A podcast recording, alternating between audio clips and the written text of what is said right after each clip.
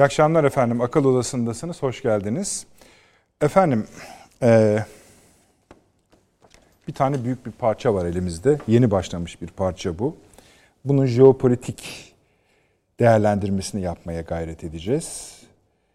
Virüs efendim. Yeni virüs. Salgının yeni modülünün bölgeye ve dünyamıza etkisini konuşacağız. Diyeceksiniz ki salgının zaten kendi etkileriyle biz zor baş ediyoruz. Şimdi bu yenisi nedir? İşte gazetelerde okudunuz. Esasında bu konu hakkında yorum yapan herkes, biz tıbbi tarafıyla hiç ilgilenmiyoruz. O konu uzmanlara ait. Ee, ama onlara da baktığımızda şu anda bu İngiltere'den dünyaya ikaz olarak duyurulan, Dünya Sağlık Örgütü'nün de dikkat çektiği yeni versiyon olduğu söylenen virüs e, seri kırılmalara neden oluyor. Bunlardan birincisi bizatihi İngiltere'nin kendi başındaki dert, e, kıtlık yaşanmaya, yaşanmak üzere diyelim hadi. Çünkü yiyecek giriş çıkışı durmuş durumda. Halk marketleri saldırıyor. Öbür kelimeyi kullanmak istemiyorum. E, biliyorsunuz İngiltere aynı zamanda Brexit'in etkileri altında bir ülke. Aynı zamanda 1500-2000'e yakın tır sınırında giriş bekliyor. Bunlar tedarik zincirinin koptu kopacak olduğunu gösteriyor. Finans piyasasının parçası olduğu için e, Avrupa ekonomisinde dövizlerde dalgalanmalar yaratıyor. E, statlar kullanılmaya başlandı. Yani salgına yakalanan, virüse yakalanan kişilerin teşhis ve tedavisinde statlar kullanılmaya başladı. E, bunun baş, bu görüntüleri biz 2. Dünya Savaşı'ndan anımsıyoruz. İyi görüntüler değildir bunlar.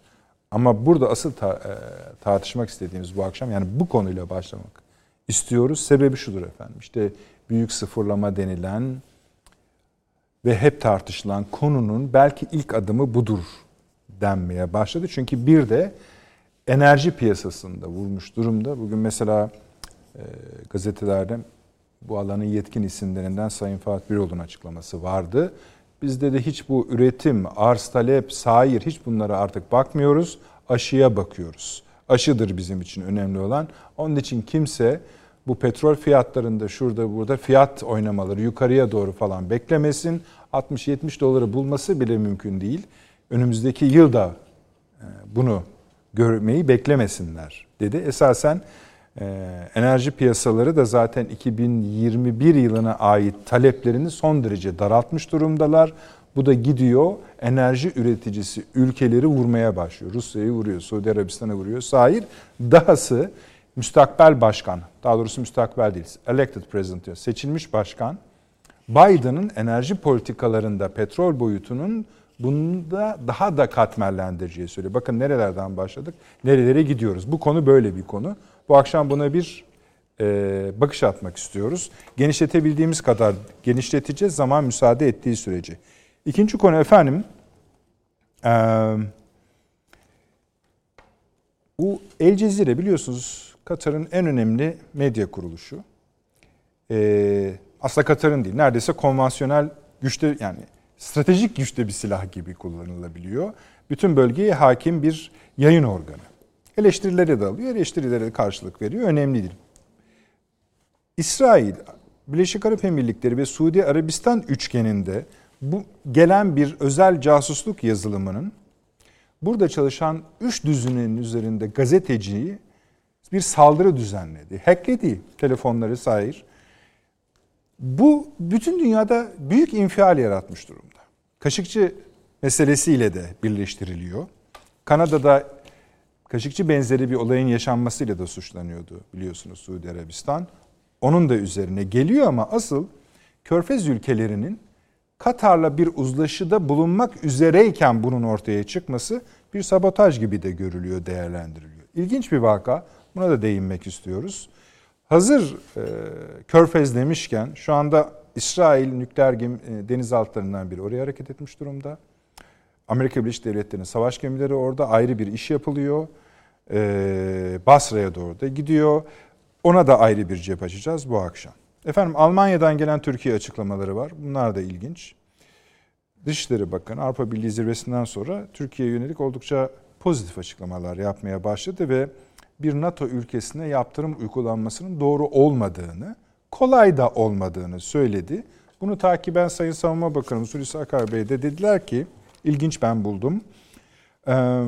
Bu yaptırımlar NATO ittifakını, hatta NATO ittifakında ABD'nin buradaki bir takım çalışmalarında etkileyebilir dedi. Ama genel söylemi içinde yer aldı. Bu genel söylem hala Amerika Birleşik Devletleri ile ilişkilerimizi derleyip toparlamak arzusunda olduğumuz yönünde. Ama bu satır dikkate değer. Demin İsrail'e bir parça değinmiştik. Bir parça dedim denizaltı üzerinden değinmiştik ama bu akşam gece yarısına kadar bütçe onaylandı, onaylandı İsrail'de. Onaylanmadı. İkinci yılda dördüncü kez erken seçime gidecek. Ee, İran konusunda bir takım adımları var, tehlikeli adımları var. Denizaltıdan demin bahsettik. Bir de efendim yaklaşık 3 program önce bir değinmiş idik. Bir büyükelçi atanması Türkiye'den İsrail'e bahis konusuydu. Bahis konusu derken bunun spekülasyonları yapılıyordu. Bugün ilk defa Sayın Cumhurbaşkanı'nın bir danışmanı eğer e, beklediğimiz gelişmeler olursa İsrail'den adımlar atılırsa Mart ayında bir büyükelçi atanabilir dedi. Böylece yarı resmi bir e, düzeye e, yükselmiş oldu bu spekülasyon. Artık sadece spekülasyon olmaktan çıktı. Şimdi bu önemli bir konu. Ona da ayrıca bakacağız. Dediğim gibi de Avrupa Birliği anketi var. İnşallah yetiştiririz. Avrupa Birliği Başkanlığı 10 bin kişi üzerinde bir anket yaptı ve bu anketin sonuçları Türk halkının, Türk kamuoyunun Avrupa Birliği'ni %80 oranında sevdiğini ve desteklediğini gösteriyor. Gerçekten öyle mi? Konuşacağız onu da efendim. Sayın Avni Özgür burada. Hoş geldiniz Avni Hoş bulduk. İyi yayınlar. Doktor Süleyman Seyfi Hocam İstanbul Ticaret Üniversitesi öğretim üyesi. Hoş geldiniz. Hoş Şeref verdiniz. Emekli Tuğ General Doçent Doktor Sayın Fahri Erener Paşam burada. Hoş geldiniz İstinye Üniversitesi'nden. Ee, Avni abi evet. biz bu şeyden başlayalım. Salgın meselesinden başlayalım. Evet virüs. Çünkü zaten yani bu kadar kısa evet. sürede ortaya çıkmış bir konuda yani yeni virüs öyle söylüyorum ben. Yani aslında mutasyona uğramış. Evet. Deniyor ama kimse nedir onu he, bilmiyor. Evet. Ortaya çıkması ani oldu. Mutasyona da aynı süre içinde yani hem olgunlaştı hem de mutasyon geçirdi bir senenin içinde. Yani enteresan bir virüs. E, insanlık tarihine baktığınız vakit zaten Hani taş devri falan diye böyle buhar devrimi falan ve sanayi devrimi falan diyoruz. Bunlar çok uzun yıllara şey yapan mali şeyler, süreçler. Ama bu virüs öyle değil. Bundan sonrasını bütünüyle etkileyecek. Yani bu seneden sonrasını 2020 ve sonrasını bir milat gibi neredeyse etkileyecek bir takvim dönümü bana göre. E biz hani, Temmuz'da sokağa çıkmayı düşünüyorduk. Sokağa çıkabilirsiniz. Yani evinizin Ama o da sokakta oluyor? hiçbir problem yok. Hı. Sokağa çıkmakta bir problem yok zaten de. Hı hı. E, Dönüşünüz nasıl olacak? evet. Sonra tekrar nasıl döneceksiniz? Onlar yani. E, bütün her şeyi esasında çok hızlı bir şekilde de değiştirdi. Artık hepimiz insanlarla tokalaşmamaya alıştık. Öyle değil mi yani? Biz sarılıp kucaklayan, öpüşen bir toplumuz. Hayır böyle bir şey yok artık. Ev ziyaretlerinden kopma ya bir şey haline getirdik yani. Kabullendik bunu. Sinemamız, tiyatromuz, işte konserimiz, şunumuz bunumuz da yok. Sosyal ve kültürel hayat. Sosyal hayat falan da yok. Ondan sonra televizyona bakın. İşte belli dizi platformları var. Onlarla yetinin e, filan. Ondan sonra yemeğinizi dışarıdan Tabii yani e, Skype üzerinden eşinizle dostunuzla görüşebilirsiniz. Orada da bir problem gözükmüyor şimdilik. E, işlerinizi de zaten bilgisayardan halledebiliyorsunuz çoğu zaman. E, HES kodunuz yoksa ne uçağı bilebilirsiniz ne belediye otobüsüne bile almıyorlar artık. Yani TC'den daha önemli. Belki HES kodu TC yerine geçecek. Ta, tabii e, neredeyse değil mi paşam? Öyle bir şey. E, yani bizim bütün hayatımıza sirayet eden bir şey ortaya koydu. Bir tablo ortaya koydu bu virüs. Sadece virüsten ibaret değil yani. Alışveriş alışkanlığımızı değiştirdi, arkadaşlık ilişkilerimizi değiştirdi, evlenme, boşanma hepsi değişti yani. Değil mi? Bütün bunlar hepsi etkilendi. Ve bundan sonra da bu etkinin devam edeceğine dair ciddi işaretler var. İşte bu ondan biri kabul Ha. edildi. Onlardan Onun- biri kabul edildi. Onun için ben mesela virüs e, sabahtan akşama kadar hepimiz yani bütün televizyonlar muhtemelen bugün de öyle. Efendim bu mutasyondan sonra ne olacağız? Acaba aşılar fayda edecek mi? Mut- Ya ya bu son bir mutasyon mu? Sonra yeni bir mutasyon geçirirse biz ne oluruz? Bu daha hızlı bulaşıyor ne demek? Evet, Bizim elimizdeki daha- bir tane evet. maske. Hızlı bulaşsa ne olur, bulaşmasa ne olur? Evet dediğiniz gibi. Yani bu bana öyle geliyor ki sadece Türkiye'de değil bütün dünyada bütün ilişkileri yani daha bugün mesela bugün herhalde 300 küsur yolcu havaalanına inmiş İngiltere'den mi geliyor? Daha fazla daha- hemen daha al- alandan almışlar Karantina. karantinaya küt diye. Ya adamlar belki de Türkiye'ye yılbaşı tatili falan diye geldilerdi. Kafalarında böyle bir düşünce vardı. Hiç böyle bir şey yok. Yani diyelim ki imkanlarınız var. İşte yılbaşı diye gittiniz bir tatil sahil kasabasına bir yere gittiniz bir yılbaşı eğlencesi yani basit bir eğlence yani restoran falan yani basit eğlence dedim böyle e, şarkılı türkülü bir şey eğlencesi değil. Onda onda yasak yani. Yani her bir şey yasak. Ve korkarım yani şöyle bir şeyler var. Yani öbür taraftan da insanlar Brezilya'da falan nasıl isyanların oynandığını da görüyorlar yani gözlerinin önünde. Evet bizde daha disipline bir şey var. Daha olabildiği kadar yasaklara uyma e, şeyi var. Şu anda ben mesela gördüğüm kadarıyla Türkiye tarihinde ilk defa yasaklara uyuyor. Yani yasaklara uyma şu şekilde. Mesela dün Yani artık maskeyi dipçik soruyla takıyorsun. Çünkü 3000 lira ceza diyor adam. tamam yok bunun. Yok her zaman şeysi. uyanlar yok. Mesela Yani dün neyse. işte bir doğum günü partisi düzenlemişler restoranda. Polis basmış. İçeride 150 kişi var. Ne yapıyorsunuz burada demiş. Paket servis bekliyoruz demişler. Hepiniz mi demiş. Hepimiz demişler. Ama bir de devamı var. Lokantacı da şey oranın sahibi de demiş ki sen ne yapıyorsun? Ben de paket servis hazırlıyorum demiş. Çok güzel. Herkes de oturuyor orada. Peki. Sonra Şimdi yani e, bizde sadece böyle kaçamaklar var yani aradan işte ben acaba nasıl ben hani ben otobüs bekliyorum efendim der gibi bir, bir şey var orada bir hava var.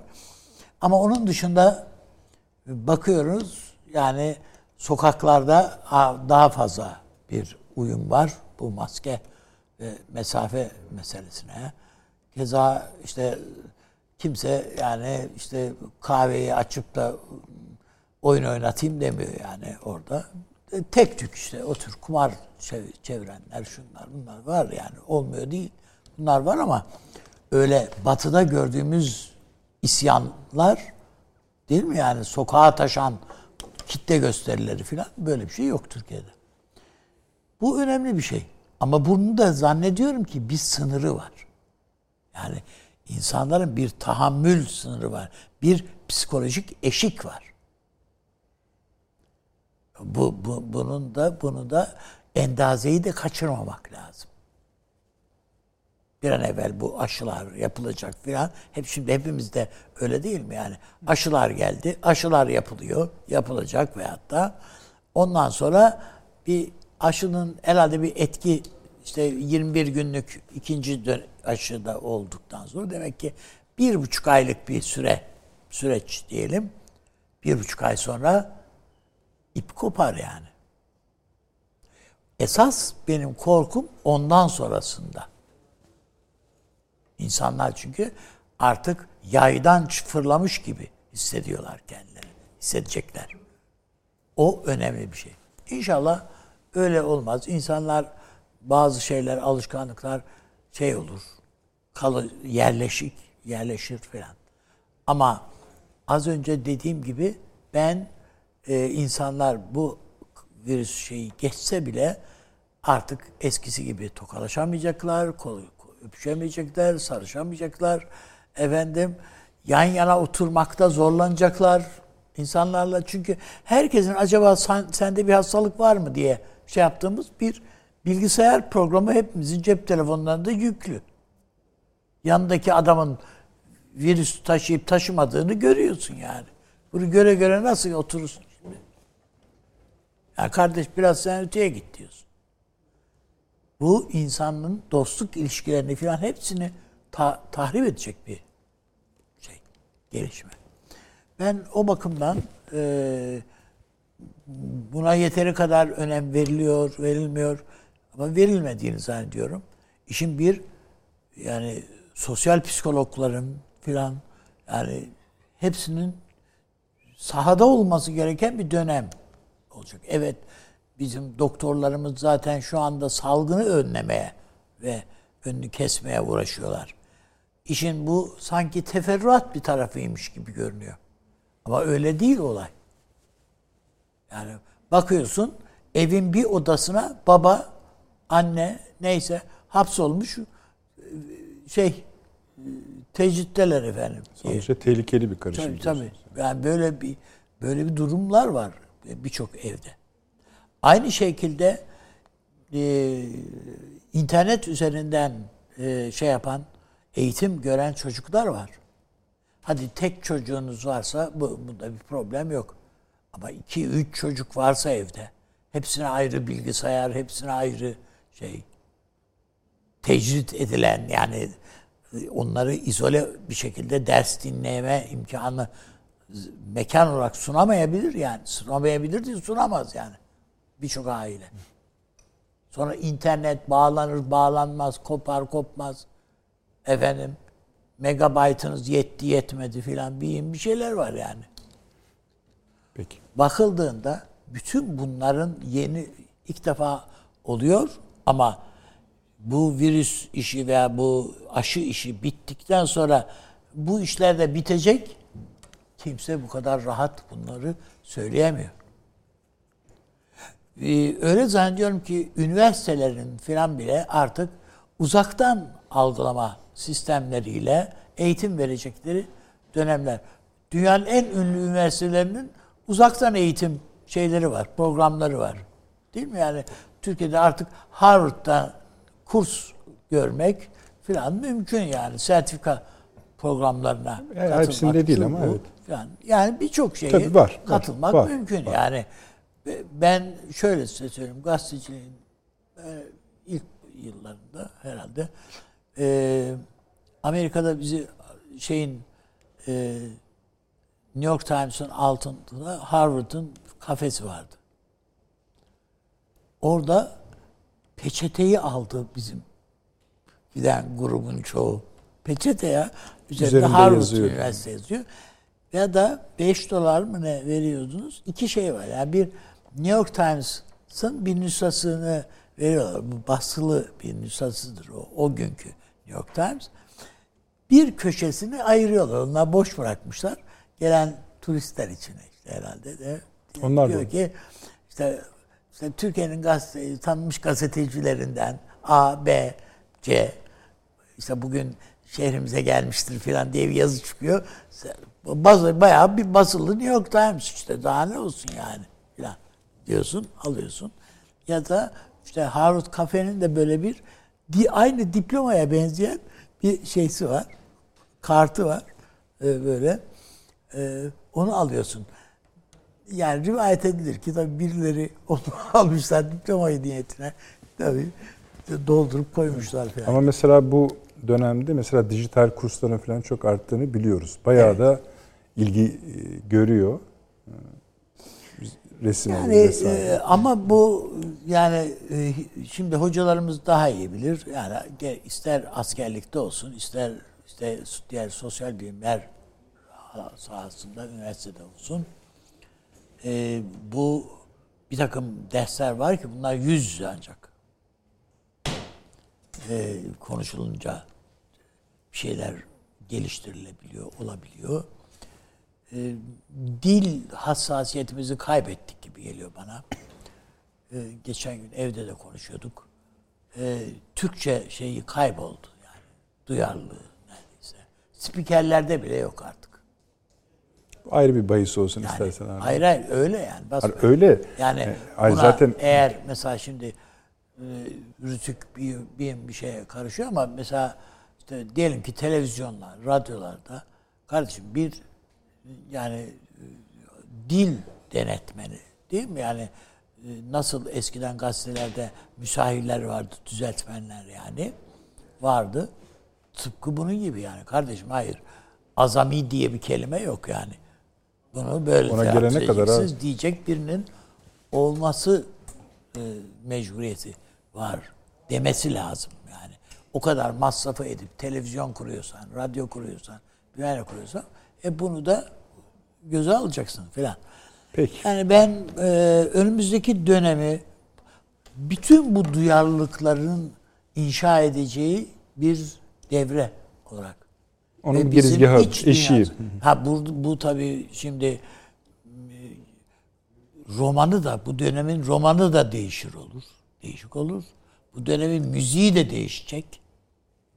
Yani şimdi bir de sanatla alakalı tarafı boyutları var. Resmi değişecek. Hepsi değişecek yani. Peki. Teşekkür ediyorum. Bu efendim bir giriş, giriş olsun, girizgah olsun. Ee, şimdi daha böyle geniş perspektiften ele almaya başlayacağız konuyu. Ama şu ilk reklamlarımızı hemen aradan çıkaralım. Hızla da dönelim.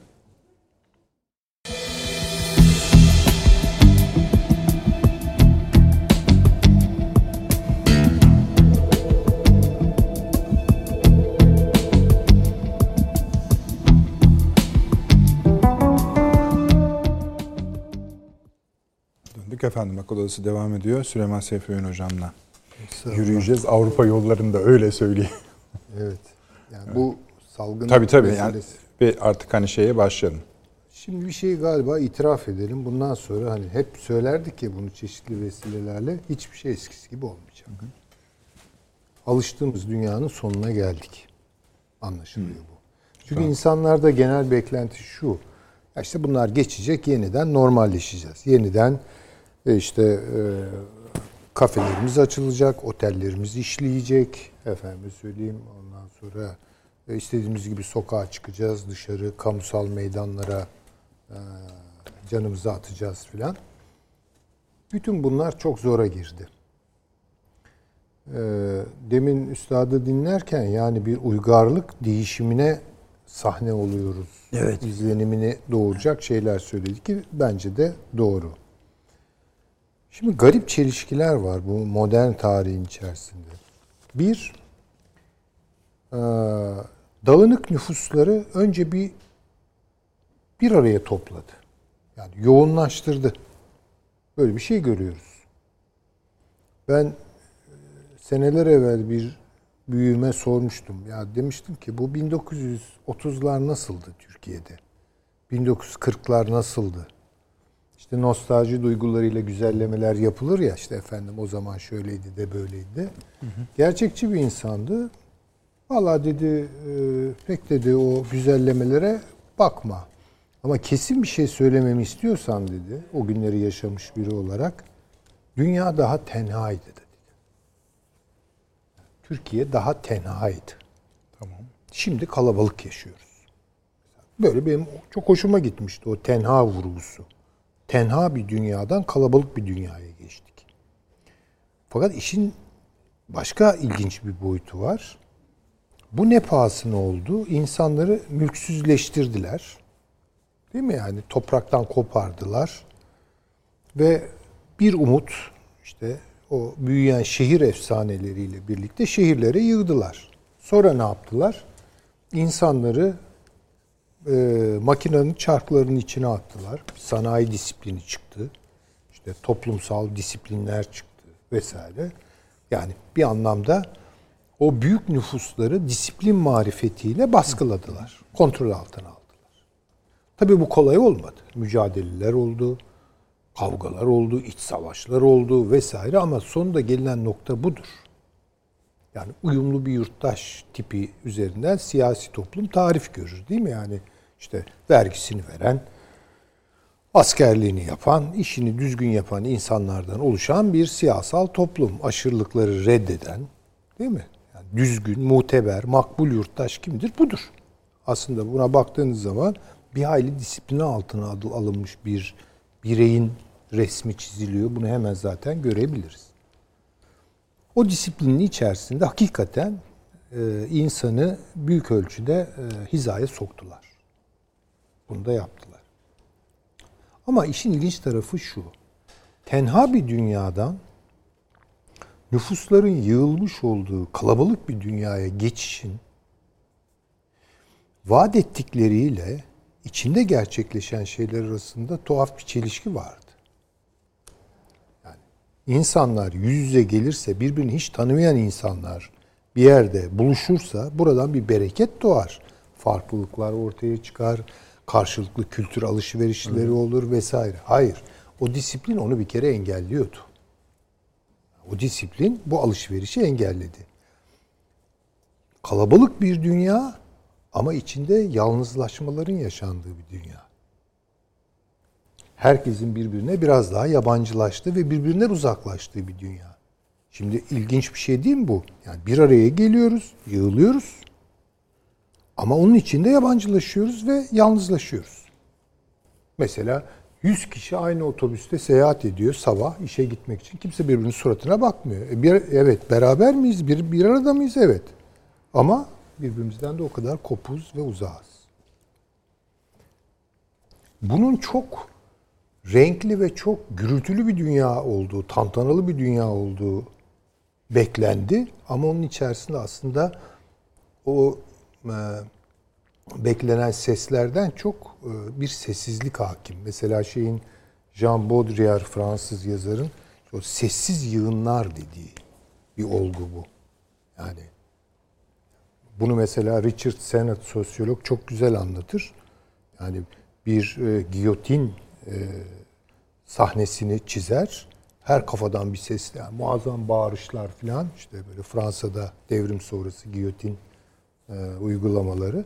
Aslında orada derin bir sessizlik vardır. Kimse de bunu anlamaz kolay kolay. Yani çok gürültülü ama aslında çok sessiz bir dünya. Çok kalabalık ama aslında herkesin birbirinden uzaklaştığı, birbirine yabancılaştığı bir dünya. Şimdi bunu özellikle sanayi disiplini çözüldüğü zaman bu kamusal alanların kültüre açılması, tüketime açılması vesaire bir de şenlikle geçiştirdiler. Yani birden hakikaten kamusal alanlar şenlendi. Turizm patladı her yerde. İşte kültürel tüketim e, örüntüleri, kamusal hayatı böyle renklendirdi vesaire. Yani kendimizi dışarı attık yani. Ve orada da disiplin yoktu. Yani baktığınız zaman. Ama farkına varmadığımız bir şey vardı. Oradaki disiplin evet yumuşatılmıştı belki ama gene disiplindi. Neye ihtiyaç duyacağımızı, ne kadar tüketeceğimizi hep başkaları belirledi ve önümüze koydu.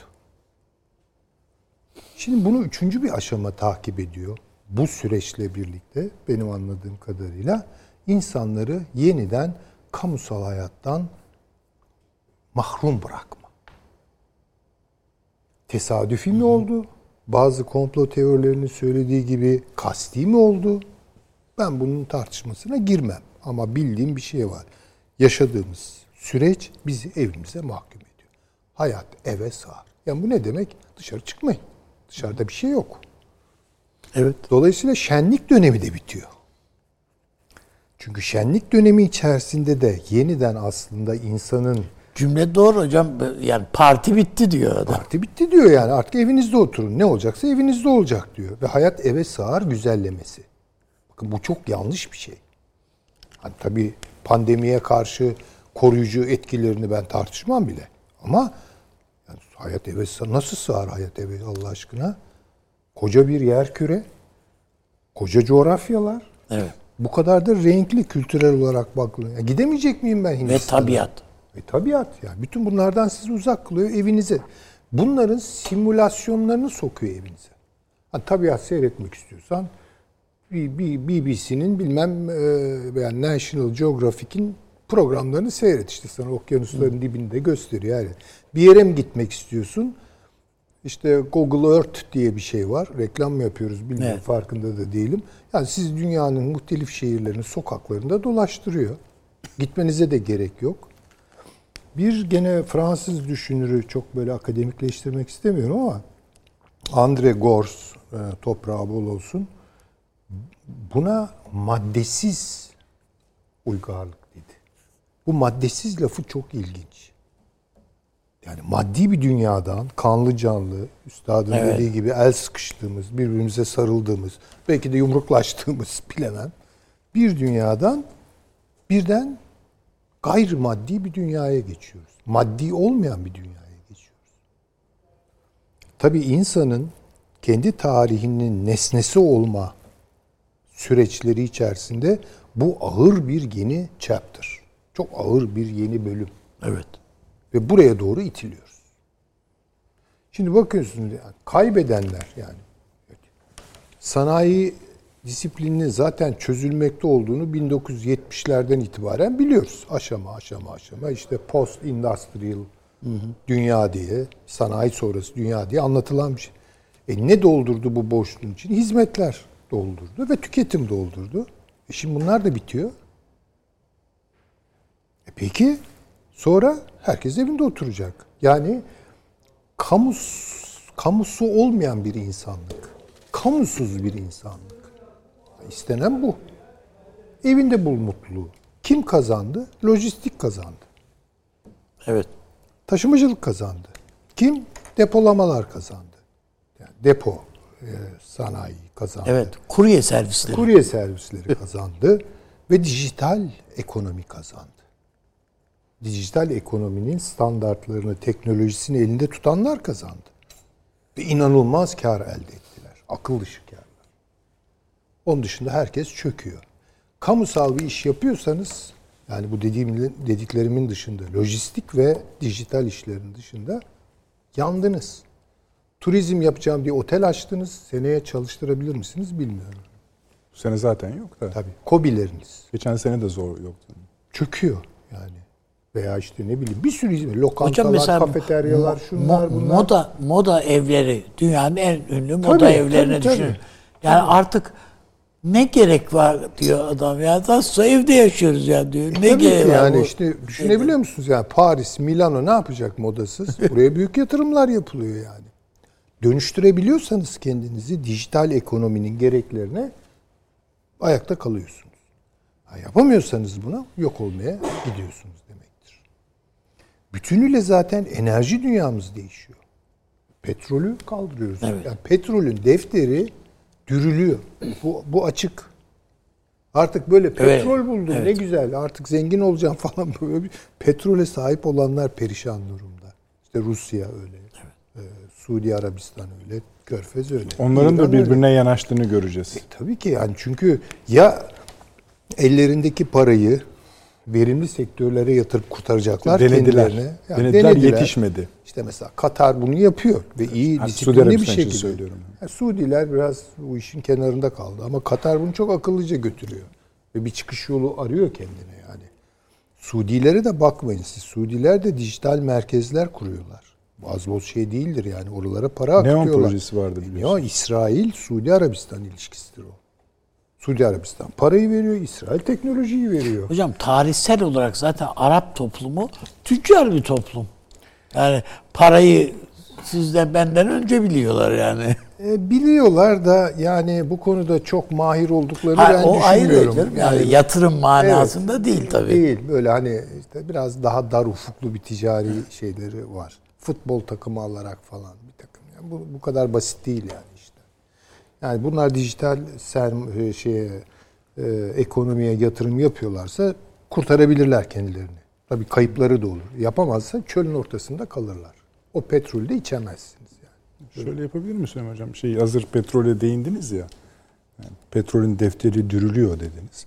Aslında bu dahi neyin eşinde bulunduğumuzun yani Tabii bu ki. böyle şeylerle açıklanamaz. Efendim petrol dönemi kapanıyor işte.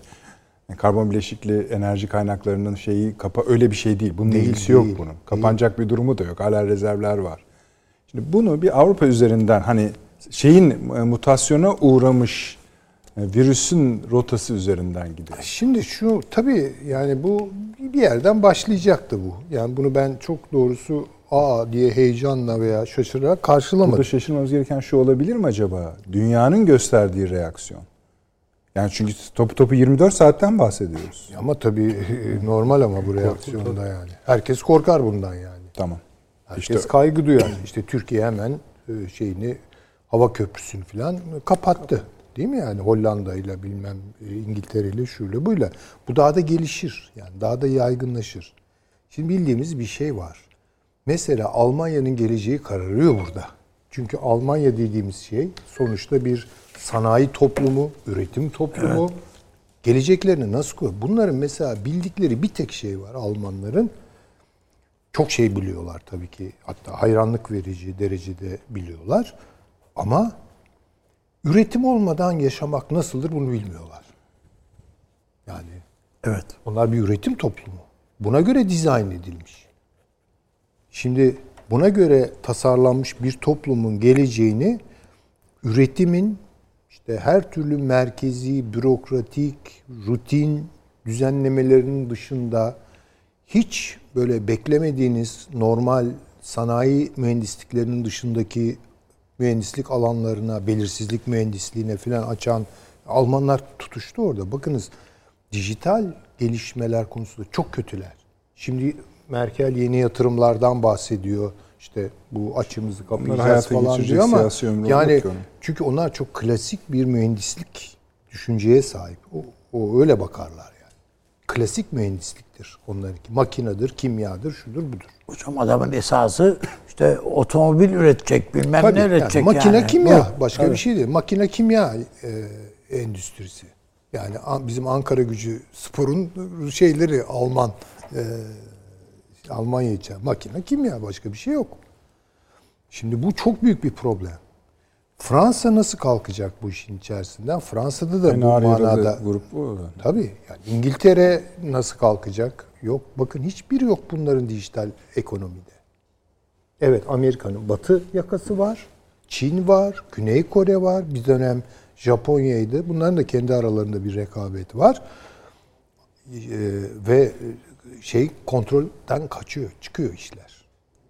Şimdi bu tablo içerisinde yeni bir medeniyet kurgusu üzerinden yeniden işte eski dünyanın üstünleri, hakimleri, egemenleri ne diyeceksek yeni bir şekilde kendilerini üretebilecekler mi? Dava bu. Şimdi bunun arkasından tabii ki tarımsal meseleler geliyor. Dikkat edelim yani dijital ekonomiye yatırım yapanlar aynı zamanda tarıma yatırım yapıyorlar. Biyolojiye. Evet ve bunların çok önemli bir temsilcisi e, biliyorsunuz e, Bill Gates e, bizim Türkiye'ye de geldi. Kendi tarım projelerini anlattı ve destek buldu. Evet. Çok çok ürkerim ben böyle şeylerden. Yani ürkerim. O başka bir iştir. Çünkü böyle bir dönüşümü tanımda yapabilmek için aynı zamanda bunu istenir hale getireceksiniz. Yani İstenir değil, mahkum hale getir. mahkum hale getir. Bravo da benden daha iyi söylediniz. Yani mahkum hale getireceksiniz. Ver değil, Yani- hatta mahkum da değil Evet, esasında. yani Mahkumda bir direnme vardır. Tabii. Tabii. ver bize, daha Yani çok ver. Belki Tabii. bunu yalvartanı haline getireceksiniz falan. Yani iki şeye oynuyorlar. Bir kere bakın e, enerjiyi de- e, değiştiriyorlar, dönüştürme Zaten hevesindeler. başına. Zaten sanayiyi parçaladılar. Mümkün olduğu kadar hafif sanayiler vesaire. Bunu bu noktaya getirdiler. Ee, onun dışında enerji kaynaklarını, şimdi tarımı da aynı şekilde dönüştürüyorlar. Kendilerine göre bir başka şey işte. Bir bakıyorsunuz bakın bu Great Reset dedikleri şey veya Green New Deal dedik. Bunlar birbirinden kopuk şeyler değil ki.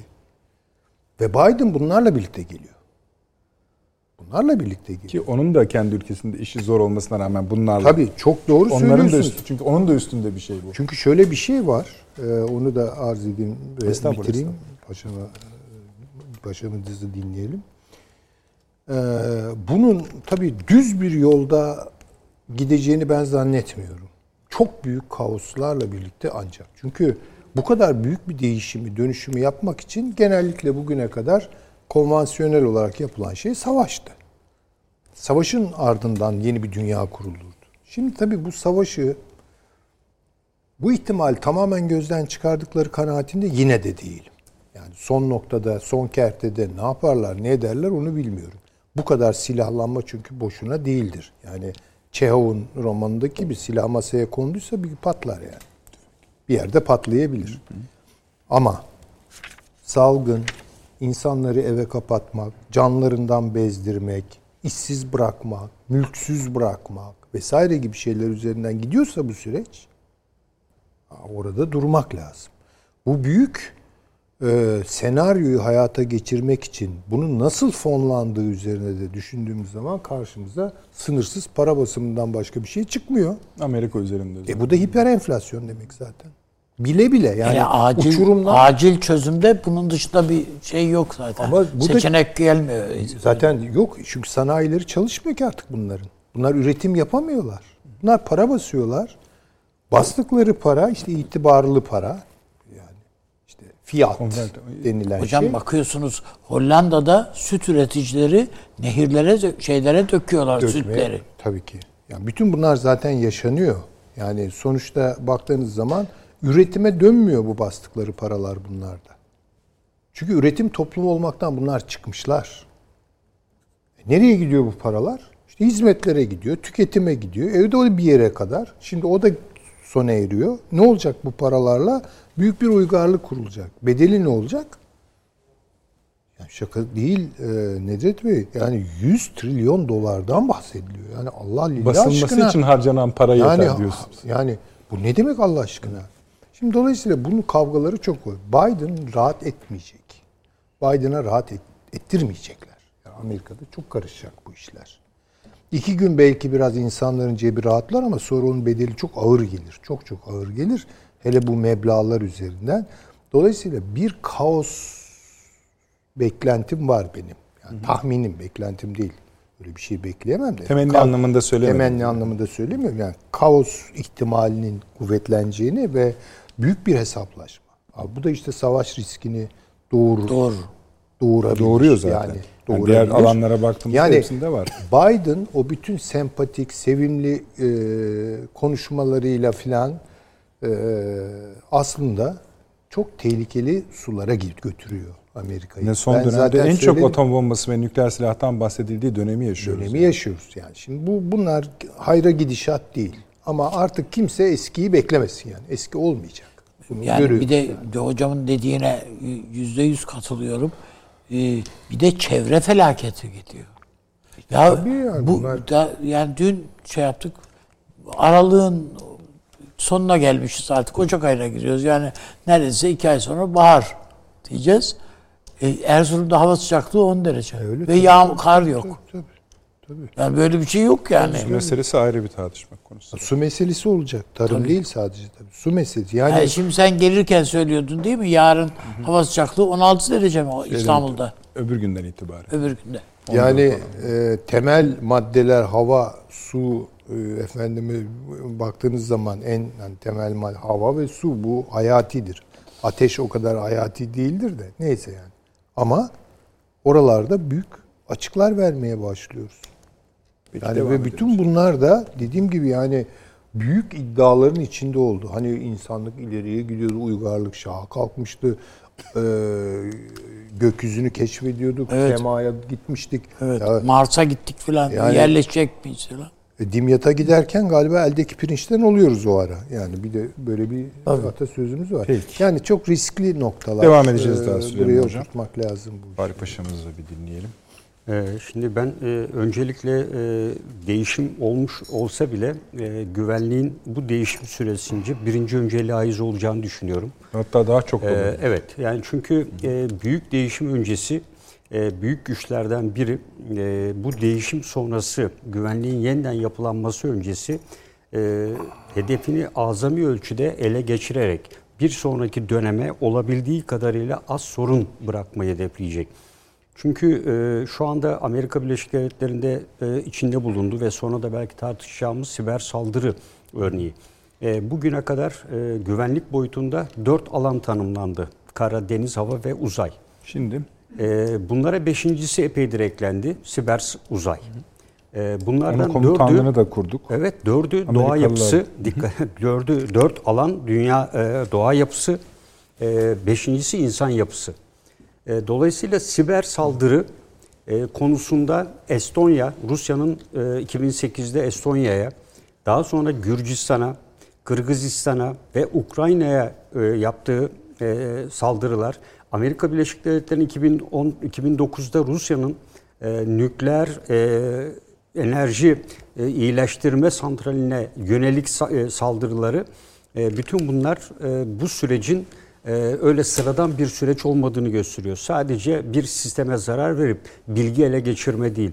E, bunun en kötü etkisi İran'da gerçekleşmiştir ve İran'ın iki tane kırılma vardır. Bunlardan biri Estonya saldırısıdır ve NATO konseptini değiştirmiştir ve NATO Estonya'da Tallinn'de e, siber güvenlik mükemmelliyet merkezi kurmuştur ve İran'da 2009'dan sonra buna çok önem vermeye başlamıştır.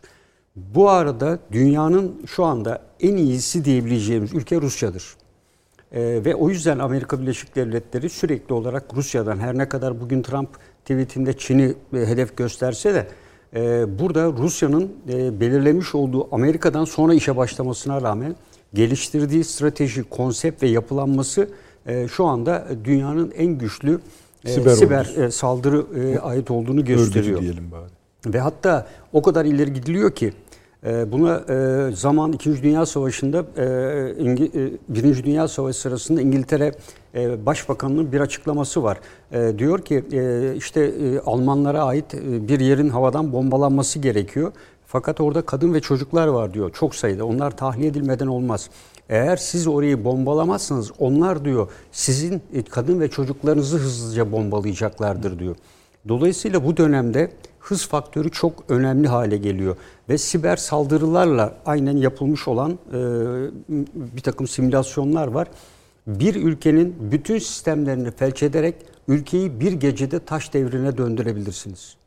Yani e, bu bir taş devrine dönebilir. Hatta bunun için Parakkana Dünya Nasıl Yönetilmeli isimli kitapta e, Banga, e, o zamanki e, başbakanlardan birine atıfta bulunarak bu kadar bilgi, bu kadar sistem, bu kadar tecrübe dünyayı yönetmemize yetmeyeceği bir zamana geldik ve artık elimizdekiler bizi tekrar taş devrine döndürecek diyor. Ve dolayısıyla siber saldırıların etkisini esasında Estonya'da e, 4,5 milyar dolara mal, mal olduğu söyleniyor. Bunun Estonya'nın finans sistemine ve hükümetin altyapı sistemlerine. Esasında bu saldırı e, ciddi bir hasar vermedi. Bu saldırının e, bir etki odaklı olarak en çok etkisini hissettiği yer e, İsrail ile birlikte yapıldığı düşünülen e, İran'daki e, saldırıdır, siber saldırıdır. Bu yapısal bir saldırıdır ve etki Nükleer odaklı tesis. ve bir hedef gözetilerek yapılan dünyadaki bilinen ilk saldırıdır. Elbette e, farklı yerlerde de yapılmış olabilir. Yani burada e, bence e, güvenlikleştirilen alanlardan siber e, uzaydaki faaliyetler ki Amerika'daki en son işte e, bir haftadır devam eden yoğun siber saldırılardan da e, bunu çıkarmak gerekiyor. E, artık konvansiyonel e, gücün bu boyutu uzayla birlikte öne çıkacak ve hakimiyet teorileri tamamen değişecek. Hocam şimdi siz şöyle bir imada mı bulunuyorsunuz? Bu biliyorsunuz Amerika'ya yönelik saldırıda nükleer bilgilerin de Amerikan nükleer Evet, bilgilerin de sızıp sızmadığı konusunda büyük tartışma var. Açık resmi açıklamalar e, hayır dese de e, esasında zaten sızdıysa evet diyeceklerini de zannetmiyorum ama dese de bu Rusların Yani e, tabii yani burada e, Rusların esasında son 10 yıldır e, Amerika Birleşik Devletleri üzerinde elde ettiği istihbarat faaliyetlerini e, çok çok ileri durumda. Yani Rusya'nın birçok teknolojide özellikle gözetleme istihbarat sistemleri, füze sistemlerinde, hava savunma sistemlerinde Amerika Birleşik Devletleri'ni geçtiği bütün dünyaca e, bilinen bir şey. Burada tabii nükleer silahların Amerika Birleşik Devletleri'nin şöyle bir sistemi var biliyorsunuz. Nükleer silahlarla ilgili şifre veya kilit sistemi başkanda. E, hatta e, Amerika Birleşik Devletleri'nin siber saldırı sistemi bir stratejiye dayalı olarak yapılandırıldı. Komutanlıklar kuruldu ve bu komutanlıklarda Amerika iki yıl önceden itibaren artık biz siber savunma değil buna siber saldırı e, amaçlı kullanacağız diyor. Fakat bunu yaparken de diyor artık siber saldırı bir nükleer silah gibi tehlikelidir. Dolayısıyla bu mecliste tartışılıyor. Siber saldırı uygulama yetkisi içinde şifreyi acaba nükleer silah gibi başkana mı versek? Çünkü nükleer saldırı Ondan önce kısa süre önce bunu bir savaş nedeni sayan açıkla resmi Evet. açıklamaları var Amerikan. Tabii. E, Dolayısıyla siber saldırı ile veya siber saldırı konusunda Biden'ın da açıklaması var. Diyor ki ben öyle bunu durup seyreden bir başkan olmayacağım diyor bu saldırı için.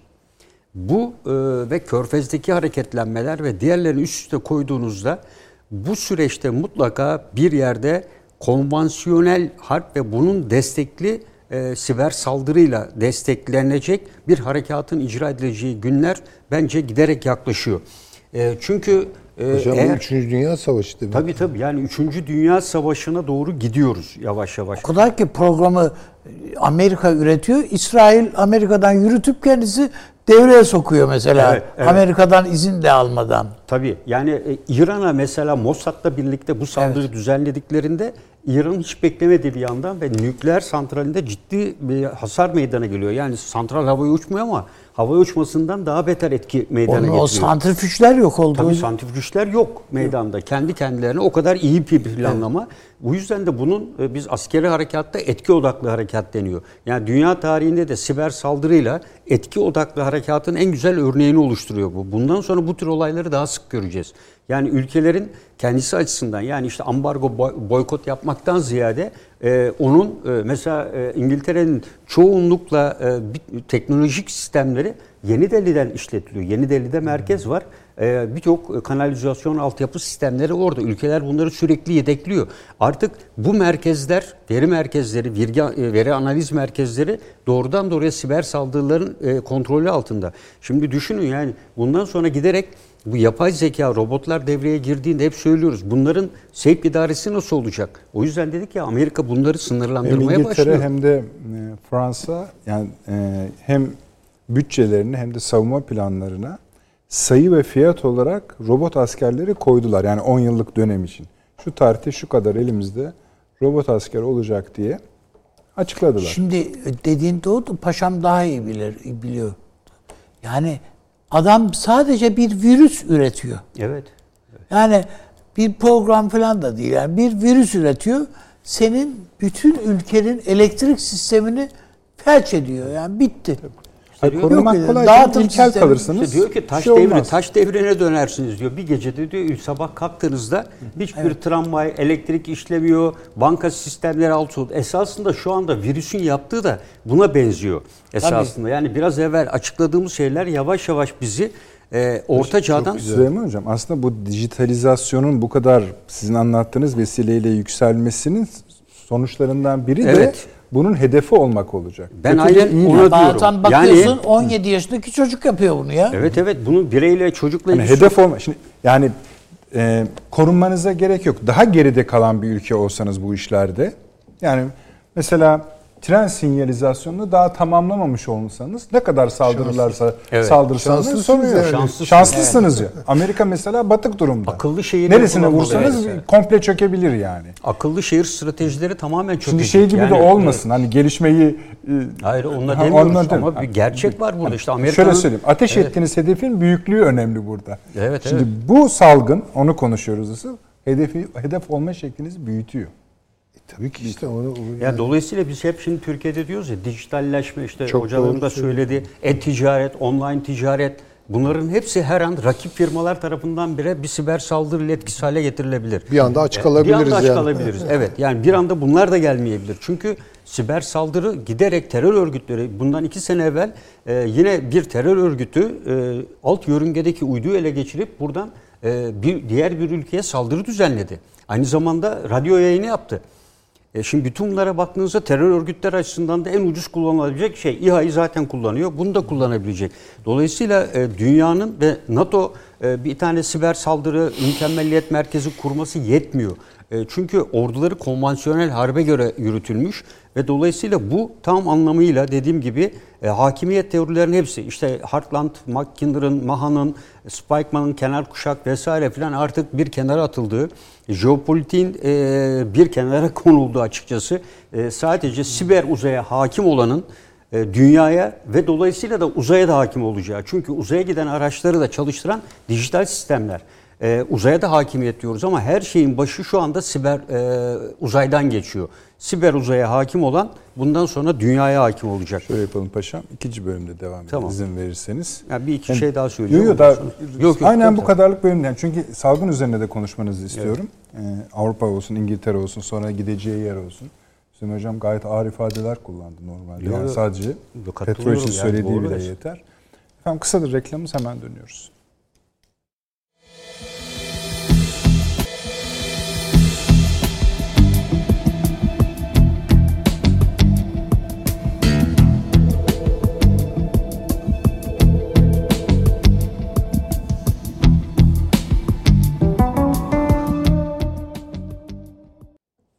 Akıl Odası devam ediyor efendim. Paşam tamamlayın isterseniz Evet, ve e, şeyine geçebilirsiniz. Şimdi e, bu dönemde e, ara öncesi şunları ifade etmiştik. Evet e, bu siber saldırılar e, daha hakim bir hale gelecek.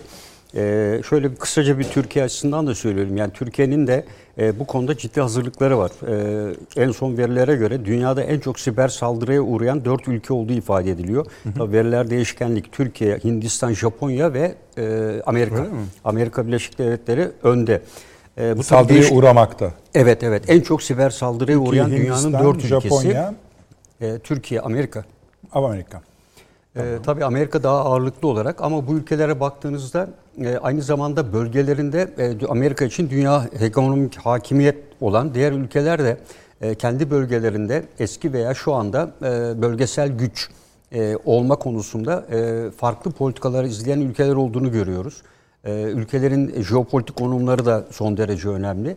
E, bu ülkelerde bu saldırıların hatta rakamlara göre de sanırım 3 veya tam hatırlamıyorum ama 450 milyar dolar gibi de bu ülkelere toplam zararı olduğu ifade ediliyor ekonomik anlamda. E, bunlar tabii artacaktır. Yani bu tür e, kritik tesislerin, altyapıların korunması dediğim benim hep gündeme getirdiğim bir kavram var. E, Amerika Birleşik Devletleri bunu uygulamasına rağmen ulusal güvenlik sisteminin yönetim merkezinin bile bu tür bir saldırıya uğramasını maalesef engelleyemedi. Üstelik çok geniş kapsamlı bir saldırı. E, bununla birlikte e, dijitalleşme, bütün kurumlar bunlara cid- ciddi yatırım yapıyor. Her gün televizyonlar bununla ilgili webler, webinarlar oluyor, online görüşmeler oluyor ama dijitalleşmeye tamamen bağlı olmanın ve yedeklememenin askerlikte bir kavram vardır. Sun Tzu da ifade ediyor. Beş önemli ilkeden bir tanesi ihtiyatsız davranan komutan e, yenilir diyor. O yüzden e, yaptığımız her çalışmada dijitalleşme, e-ticaret ve online'da yüzde yüz artık bu süreçte bunlara bağlı olmadan bunları mutlaka yedeklemelerini e, ve her an bu değişkenliklerle e, farklı bir istikamete gideceğimiz dikkate alınmalı. E, bunun dışında e, Hofstede'nin meşhur değerleri de değişmeye başlıyor. Mesela Türkiye'yi biraz evvel e, Üstadımız da söyledi. E, Türkiye eve kapandı, birlik beraberlik e, gibi hakikaten aileler arası komşuluk ilişkileri yok ama Hofstede yaptığı araştırmada şunu diyor kültürel değerlerde. Türkiye gibi toplumlarda toplulukçuluk dediğimiz bir kavram ön planda. Acaba bu kavramı da bu süreç içinde bireyselliğe doğru mu götüreceğiz biz de? Yani bizim toplumumuzun kültürel değerlerinde de bir dönüşüm yaşanacak. Ee, Biz e, güç mesafesi yöneticiye ile aramızda bir mesafe koymasını bilen, e, bireyselliği e, yerine toplulukçuluğu tercih eden, e, ancak buna karşılık e, proje çalışmalarında pek benimsemeyen, e, tek çalışmayı daha çok seven e, ve babacan e, davranışlarda olan bir toplumuz. Şimdi bu online sisteme geçtiğinde ve hep uzaktan çalışmayla Türk toplumu acaba zaman içinde bu tür kültürel değerlerini kaybetmesinin de ne tür etkileri olacak onlara da bakmak lazım. Cena- cenazelere gitmeyin diyor. Evet işte yani cenaze yok. Ee, camiler e, Evet, cumaya gibi değil. diyor, öyle. Evet. Yani e, eskiden oturur kahvede e, oturup sohbet edersiniz. Onlar bir buluşma yeriydi. Veya evin önünde oturdu insanlar filan. E, hatırlayalım. Yani bunlar giderek gidecek. E, bunun dışında tabii e, girişimcilik dediğimiz bir kavram var. Yani bu e, bu süreçte üniversitelerde ders olarak da okutuluyor ve de yapılıyor ama e, bu ciddi bir şekilde etkileneceğini düşünüyorum. E, artık belirsizliğin daha da arttığı. Yani biz hep e, belirsizlik e, çok fazla. Bunu tespit etmek için yöntemler, stratejik öngörü diyorduk. Stratejik öngörüye daha çok ihtiyaç olacak bir dönem. Bu konuda yatırım yapan ülkelerin de daha farklı ve eğitim veren ülkelerin daha farklı boyuta gideceğini düşünüyorum. E, burada e, ben e, Lafarge'a değinmek istiyorum kısaca. Tüket tembellik hakkı. E, biliyorsun 1848 yılında Fransa'da günlük çalışma süreleri 12 saatten 18 saate çıkarılmıştı. İnsanların e, dinlenecek zamanları yoktu. E, Lafarge'ın tabii e, bu komünist manifesto vesaire gibi e, sosyalist içerikli bu çalışması ama günde 18 saat çalışan e, İngiltere'deki Robert Owen öncesi gibi e, çok uzun ve insanların dinleneceği bir zaman yok. Bu tembellik hakkını esasında Lafarge boş zaman adına kullanıyor. Ve hatta en sonunda da intihar ediyor. Hayatım boyunca işte enerji alamadım, dinlenemedim diye. Ee, işte bu tembellik hakkı e, belki gerçekleşecek toplumlarda. insanlar daha çok boş zaman e, kavramıyla e, daha çok ailelerine zaman ayırabilecekler. Bu tür hobiler belki bu süreç içinde gelişebilecek. Bu da e, o zaman kendisinin mücadele ettiği e, bu emperyalizme, kapitalizme verdiği mücadelenin belki bir karşılığı olmuş olabilir. E, tüketim toplumu kavramı e, giderek e, hocamın da belirttiği yine bir kitap olan gözetim toplumuna dönüşecek. E, çünkü e, burada e, George Orwell'ın 1980 e, 1984'ü e, sanırım yavaş yavaş gerçekleşecek. İşte akıllı şehirler bundan zararla çıkacağını düşünüyorum. E, çünkü e, dijitalleşen ve tamamen teknoloji ürünü olan akıllı şehirler e, özellikle Çin'de trafikte birçok sorunlarla karşılaşılıyordu. Dijital saldırılar açık hale geldiği için bir şehrin güvenliğini bütün mobese kameraları ve her şeyini alt üst etmenin bir yolu olabilecek. Aynen. Bu da meskul mahallelerde muharebe veya şehir güvenliği kavramının da yeniden ele alınmasını sağlayacak. Son olarak da bu Avrupa Birliği'ndeki ama Londra dünyada birinci. Evet. Özellikle mobese sistemleri. Hindistan'da 3 ülke var. Dünyada sanırım Şimdi 60... Mesela bu krizde bakalım ne işlerine yarayacak. Evet yani e, son olarak da e, bu e, İngiltere'de ortaya çıkan e, virüsün tabi zamanlaması da çok ilginç. E, bu Avrupa Birliği'nden tam e, Brexit'e ayrılma sürecinde olan evet, ve evet. çok ciddi sorunlar yaşayan ekonomisi e, alt üst olma aşamasında ve uçak gemileriyle geçen e, ders şeyde konu evet, programda evet. da söyledik. Su alan, su alan e, bir İngiltere'den e, söz ediyoruz. E, İngiltere'nin bu şekilde tabii tecrit edilmesi bence Avrupa Birliği ülkeleri açısından da sanki bir ders gibi alınabilir. Bu da Avrupa Birliği'nin özellikle Fransa ve Almanya açısından bütünleşmesini sağlayabilir. Yani işte bizden ayrılmış olan bir ülkenin başına gelenleri görüyorsunuz gibi. makaleler iki ülkeyle acilen e, uluslararası ticaret anlaşması imzalanması gerektiği evet. konusunda yazılar yazıyorlar. Bunlardan birisi Amerika Birleşik Devletleri. Evet. evet.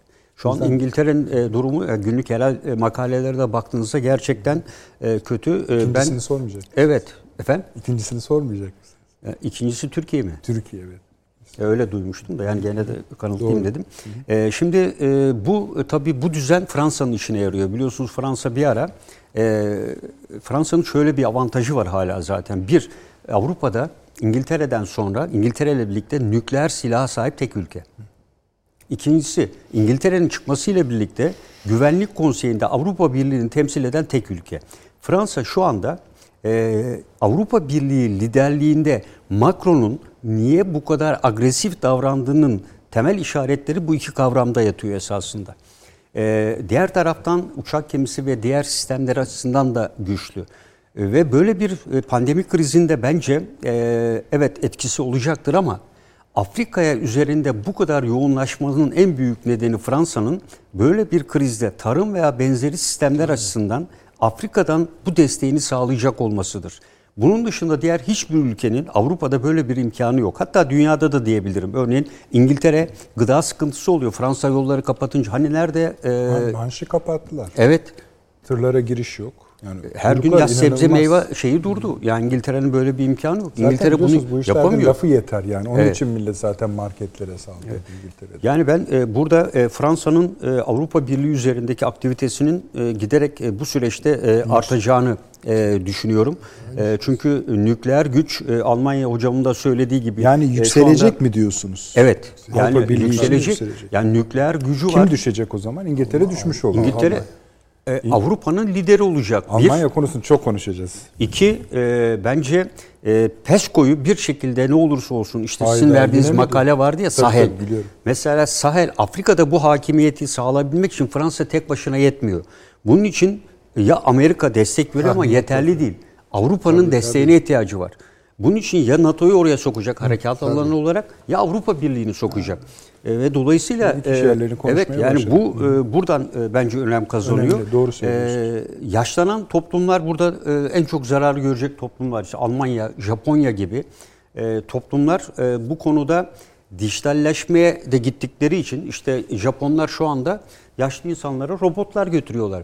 E bunların hepsi de robot sonra yazılım sistemiyle gidiyor ve her türlü siber saldırı ve benzeri sistemlere ki Japonların neredeyse %99'u dijital sistemlerle yönetiliyor. E, ve böyle bir durum örneğin Rusya'nın Kuril adaları meselesi var Japonya Çok önemli. Japonya'nın Çin'le o üç tane yapay ada meselesi var.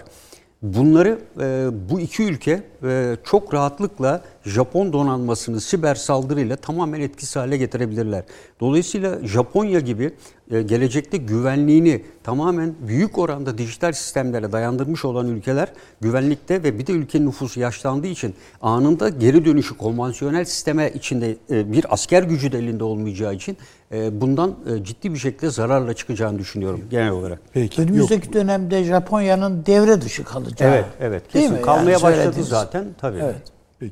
Şöyle tersten gidelim. Şimdi dikiş yerlerini te- tespitte fena değiliz Süleyman Hocam anladığım kadarıyla. Yani sökülecek yerleri görebiliyoruz.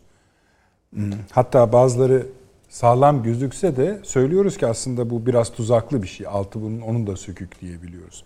Gel gelelim yeni elbiseyi tam tarif edebiliyor muyuz? İşte yeni elbisenin en ileri tarifleri bu e, büyük sıfırlama diye çevirdiğimiz. Yani şu mesela demin e, bağışlayın. Estağfurullah. Paşam hani dedi ya mesela sahile bakış. Yani Afrika'ya bakış. Şimdi mesela bu bir tanesi olabilir. O elbisenin düğmelerinden bir tanesi bu olabilir. Bunları çoğaltabilir miyiz? Yani Türkiye'nin hani önünü daha rahat görmesine katkıda bulunmak adına. Ha, bölgesel olarak yani Yok, çeşitli yani ülkesi- coğrafyalara ülkede söyleyebilirsiniz. e, Şeyle söyleyebilirsiniz. Şu konularda diyebilirsiniz. İşte söylüyoruz mesela tarım sıkıntı, su sıkıntı, biyoloji bilmem ne, farmakoloji bunların hepsi Tabii tabii. Yani şimdi bir kere Türkiye'nin gündemi bütün bu yani itiş kakış içerisinde gerçek gündemi. Yani bir gündem belirlersiniz de gerçek gündemden kopuktur. E, nitekim de bu oluyor. Abur cubur tartışmalarla filan da geçiriyoruz. Bu çok yanlış. şikayetçi o konularda. E, Evet ama çok haklı. Ben de e, katılıyorum. Ya burada bir televizyon programı yapıyoruz. Sağ olun siz bize bir zemin e, sunuyorsunuz ama ben senelerdir televizyon yüzüne bakmıyorum yani. Bilmiyorum ne oluyor. Yani çünkü artık bakılacak bir tarafı da kalmadı galiba bu işlerin. E, gerçek gündemine bakacak olursak gerçek gündem belli Türkiye için. Yani bunun kaldırılıp indirilecek bir tarafı yok. Bir, e, yeni dünyayı karşılayacak zihin yapısına sahip kadrolar yetiştirmek. Bu eğitimle falan olmaz bu işler ben söyleyeyim. Şu şu an Türkiye'de Aliye mevcut eğitimle, öğretimle bu iş olmaz. Burada hakikaten çok büyük bir devrimci sıçrayış. Yani ben devrim lafını pek kullanmam da ama bunda gerekiyor. Yani bir eğitim devrimi yapmak. Reform falan demiyorum bak Anladım. basbaya bir eğitim devrimi yapma. Bedeli ne olursa olsun. Ha birileri işsiz kalacakmış burada. Birileri e, işte ne bileyim e, emekliye ayrılmak zorunda kalacak. Valla bunlara bakmayacağız. Yani açık biraz o yaratıcı yıkım dediği Schumpeter'in neyse bu- bunu yapmak zorundayız. İkinci olarak kadroları yetiştirmek ve doğru yerine koymak. Bu e, siyaset esnaflığı kültürüyle götürülebilecek bir iş değil. Benden olanlar, olmayanlar, sevdiklerim, sevmediklerim hakikaten liyakat gerektirir. Bunu yapmak zorunda. Türkiye için yapmak zorundayız. E, tarım meselesi çok çok çok önemli. Yani bunu yeniden hayatımızın merkezine koymak durumundayız. Çünkü çok Belki savrulduk biz Avni bu Bey konuda. program öncesi yaptığı telefon konuşmasını paylaşmak ister. İsim vermesine Evet. gerek yok ama Yani bu Tarım Kredi Kooperatifleri Genel Müdürü'yle konuştum. Onun anlattığını biliyorum. Yani bu yani virüse hani hepimiz şikayet ediyoruz tabii. Ah yakalandık yakalandık. Tek faydası önemi- önemini önemini hatırlatması bize. Tabii. Bunun ne kadar önemli bir şey olduğunu ve bu konuda ne kadar ihmalkar olduğumuzu hatırlatması. Şimdi e, hocama mesela e, eğitim bu eğitimden olmaz dedi. Yani Cumhuriyet'in ilk yılları dönemine şey yapalım. Bir Gazi Eğitim Enstitüsü Tabii canım. te- tecrübesi tabii, var. Türkiye'nin yani. Öğretmen yetiştirme. Bu, bu müthiş bir şey. E, Bu, bu yok. Bu, bugün bu yok. O öğretmen bitti. Yani o öğretmeni bitti. Türkiye'nin. Yani Ahmet Hamdi Tanpınar dediğiniz insan Lisede gidiyor, öğretmenlik bakıyorsunuz ki yapıyor Haydarpaşa Lisesi'nin edebiyat öğretmeni yani. Yani bütün o üstadım kurulan liseler yani Erzurum Lisesi, Sivas Öyle Lisesi, Sivas Lisesi hocam. Ba- Lisesi. Ya bunlar Sivas Lisesi'nden bunlar mezun. bence bugünün pek çok üniversitesinden daha ileri yani bir eğitim Afyon öğretim yapıyorlardı. O, ya Isparta'da lise olmadığı için Afyon'da bitirmiş Süleyman Demirel. E bugün Afyon'da mezun olup da İstanbul Teknik Üniversitesi'ni kazanan öğrenci yok zaten yani. Tabii yani bu e, hakikaten yeniden eğitimi bambaşka bir perspektifte estağfurullah e, yeniden yapılandırmak gerekiyor. Uygun kadroları bulmak gerekiyor. Yani Türkiye'deki adalet sistemi çok önemli. Yani hukukla ilgili meselelerimiz var. Bunların üzerine gitmemiz gerekiyor. Yani ekonomik olarak bunlar dalla kobilerimize titizlenmemiz gerekiyor. Türkiye'nin en önemli e, şeyi odur, üretken dinamizmi odur. Onlara titizlenmemiz gerekiyor. Bu. Şimdi e, şunu görüyoruz yani e, demin e, paşamı dinlerken e, neredeyse yüzde yüz iştirak ettiğim bir değerlendirme yaptı. Bize şu vaat edilecek bu yeni dünya uygarlık kurulurken. Evet belki evinize kapanacaksınız. Belki eski alışkanlıklarınızdan vazgeçmek zorunda kalacak. Ama biz sizi teknolojiyle donatıyoruz. Ve teknolojiyle birlikte size güvenlik sunuyoruz. Şimdi bu son gelişme, bu siber saldırı meselesi zaman zaman duyardık da bunun da güvenilmeyeceğini gösteriyor bize. Çünkü bir küçük operasyonla, bir hacklemeyle vesaire koca bir sistemi işte demin çok güzel söyledi paşam taş devrine döndürebilecek bizi ya. E bu ne? Vaadini de tutmayacaklar yani. Onu anlatmaya çalışıyorum. Şimdi bütün bu geçişler olacak. Yani ben kabul ediyorum. Yani işte belki e, daha çevreci bir dünyada, daha yeniden az kalabalık bir dünyada, e, belki daha çok kendi mahremiyetimiz içerisinde yaşayacağımız yeni yaşama örüntülerine doğru gidiyoruz. Ve bunlar teknoloji destekli olacak. Bunu da kabul ediyorum. Ama nasıl olacak meselesinde her şey şu an çok belirsiz. Yani bana kalırsa bu e, Great Reset, yok bilmem e, Green New Deal e, şeyleri bunlar bence ön alıcı hareketler ve süreci dejenere edecek hareketler. Bunlara dikkat edelim. Yani Yoksa şöyle bu bir fırsat temiz- doğru. Onlar temizlik için. Yani engelleri kaldırmak için. Yeni gelecek şeyin öyle mi? Ona mı Hayır ya bir model sunuyor bize. Şimdi Ha, mesela tamam. akıllı şehirler diyor. Tamam. Akıllı şehirler sonra bakıyoruz ki çok akılsız e, sonuçlar İşte. verebiliyor. Peki. Yani bunun gibi işte o kadar basit değil. Yeni şehirler tarif etmek, yeni yaşama mekanları tarif etmek ve bütün bu süreçleri nasıl insani kılabiliriz? Bunun kavgasını. Çünkü burada insani bir kavga falan yok. Bu teknolojizm ve maddesizliğin ileri boyutu. Halbuki her şey insanın insanla değil mi? Yüzleşmesiyle başlıyor, dokunmasıyla başlıyor. Bir zamanlar Amerika'da bir popüler psikolog vardı, Desmond Morris. Onun bir kitabı vardı. Sevmek dokunmakla başlar diyordu. Dokunamıyoruz. Yani bu nasıl olacak? Böyle bir takım görüntüleri mi e, varlık kabul edeceğiz? Görünen şeyi varlık mertebesine çıkartmak, varlığı o görüntüden ibaret saymak ne kadar büyük bir boyut kaybı. Siz dokunduğunuzu zannettirirler. Ama dokunmadığınızı biliyorsunuz. Evet biliyorsunuz ama Tabii, tabii. razı hale getirirler. Tabii ki. Yani razı hale getire, getir zaten razı hale getiriyorlarsa bütün bu yaptıklarını, önerdiklerini söyleyecek bir şey yok. Bence tarihimizin nesnesi olmaya devam ediyoruz. Ama tarihimizin öznesinin öznesi nasıl olabiliriz gibi bir soruyu merkeze yerleştirip bütün bu dinamikleri karşılayabiliyorsak ha o zaman belki bu bunları bir fırsata çevirebiliriz. Ama şöyle yapılıyor. Bu düz bir gidiş. Bekliyoruz ki Elon Musk bize bir dünya tarif edecek. Bekliyoruz ki Bill Gates bize bir dünya tarif edecek. Ha demek ki geleceğin dünyası buymuş diyeceğiz. Hayır böyle bir şey yok. Ne kadar koyuyoruz kendimizi bu işe? İşte kendini evet. koyabilen insana yani yeniden insanı merkeze almak suretiyle en yüce yaşayan varlık değer olarak insandır diye başlayarak onun yerine doğayı ikame etmeden yalnız. İnsanla beraber doğa, tabiat. O zaman konuşuruz. Ama şimdi öyle bir şey anlatılıyor ki insanlar çok kötü, çok kötü bir insan yorumu var. Ama tabiat çok iyi.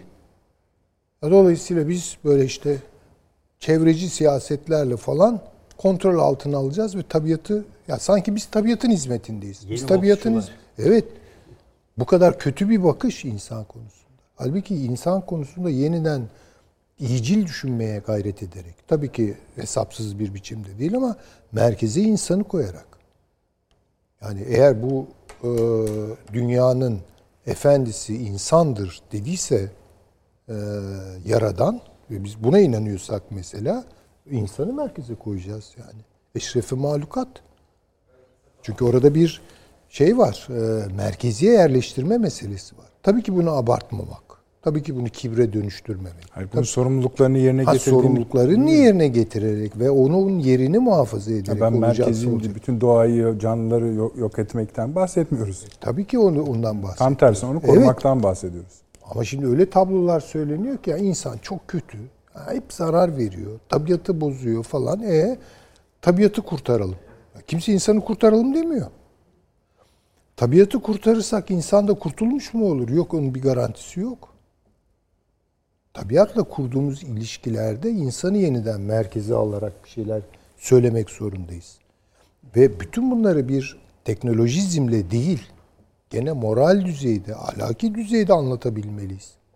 Bunlar yapılmadıktan sonra bütün bu şeyler e, bizi uçuruyormuş da Mars'a götürüyormuş da bilmem ne yapıyormuş da yani. Bunlar bir şey değil. Ve bunların arka planı da böyle çıkmayacak. Bunu net olarak görebiliriz. Yani şu, böyle böyle bir hayat beklemiyor eğer biz Davos'tan hareketle böyle bir dünyaya yolculuğa çıktıysak. Başka açılımları var. Evet aynı şeyleri konuşuyoruz. Dijitalleşmeyi konuşuyoruz. İşte teknolojiyi konuşuyoruz vesaire ama bunu hangi zeminde konuşuyoruz? Orada tek tip tarifler var. Yani güdümlü olarak bunlar konuşuluyor. İşte dediğim gibi yani dijital ekonomiyi elinde tutanlar ne diyorsa ağızlarının içine bakıyoruz. Yani keramet bekliyoruz onlardan. Ya niye biz yokuz bu işin içinde? Nasıl yani? Şimdi evet bu bu şekilde yığınlar halinde yaşamanın bir hayrı getirmediğini gördük bize. Yeni bir şehir modeli geliştirmeliyiz. Teknolojiyi de burada kullanalım.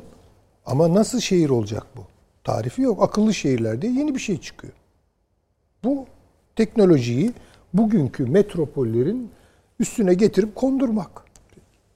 Yani şimdi demek istediğim şu, izninizle bir şey daha söyleyebilir miyim? Buyurun. Şimdi filozof Hegel'in güzel bir şeyi var, çalışması var. Bu efendi köle diyalektiği üzerine. Yani şimdi soru şu, hani mesela sorulsa efendi mi köleye tabidir, köle mi efendiye tabidir? Şimdi düz cevabı bunun hayır elbette köle efendiye tabidir. Halbuki öyle değildir bir yerden sonra. Çünkü her işini köleye yaptırmak suretiyle efendi beceriksiz bir varlığa dönüşür. Ve eğer o efendi e, köle çekilirse, ölürse veya kaçarsa adam bir zavallıdır. Çünkü o aslında kölenin hizmetine bağımlıdır. Ya biraz bunları böyle karşılıklı. Teknoloji çok iyi, güzel. Ama bizi nesnesi yapıyorsa, bizi kendine bağımlılaştırıyorsa, işte bu problemdir. Teknolojiyi yeniden kendimize bağımlı kılarak ne yapacağımızı tartışacaksak, bütün forumlarda, bütün zeminlerde ama Davos'ta değil. Davos'ta bu yapılmaz çünkü. O takdirde belki bir yol yordan bulabiliriz kendimize.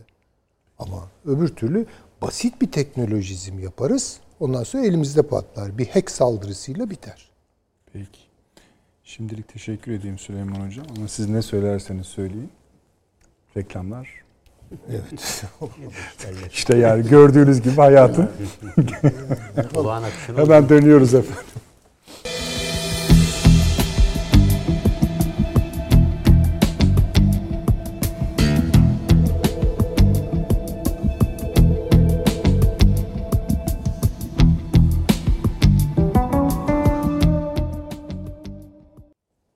Akıl Odası devam ediyor efendim. Avni Bey'deyiz.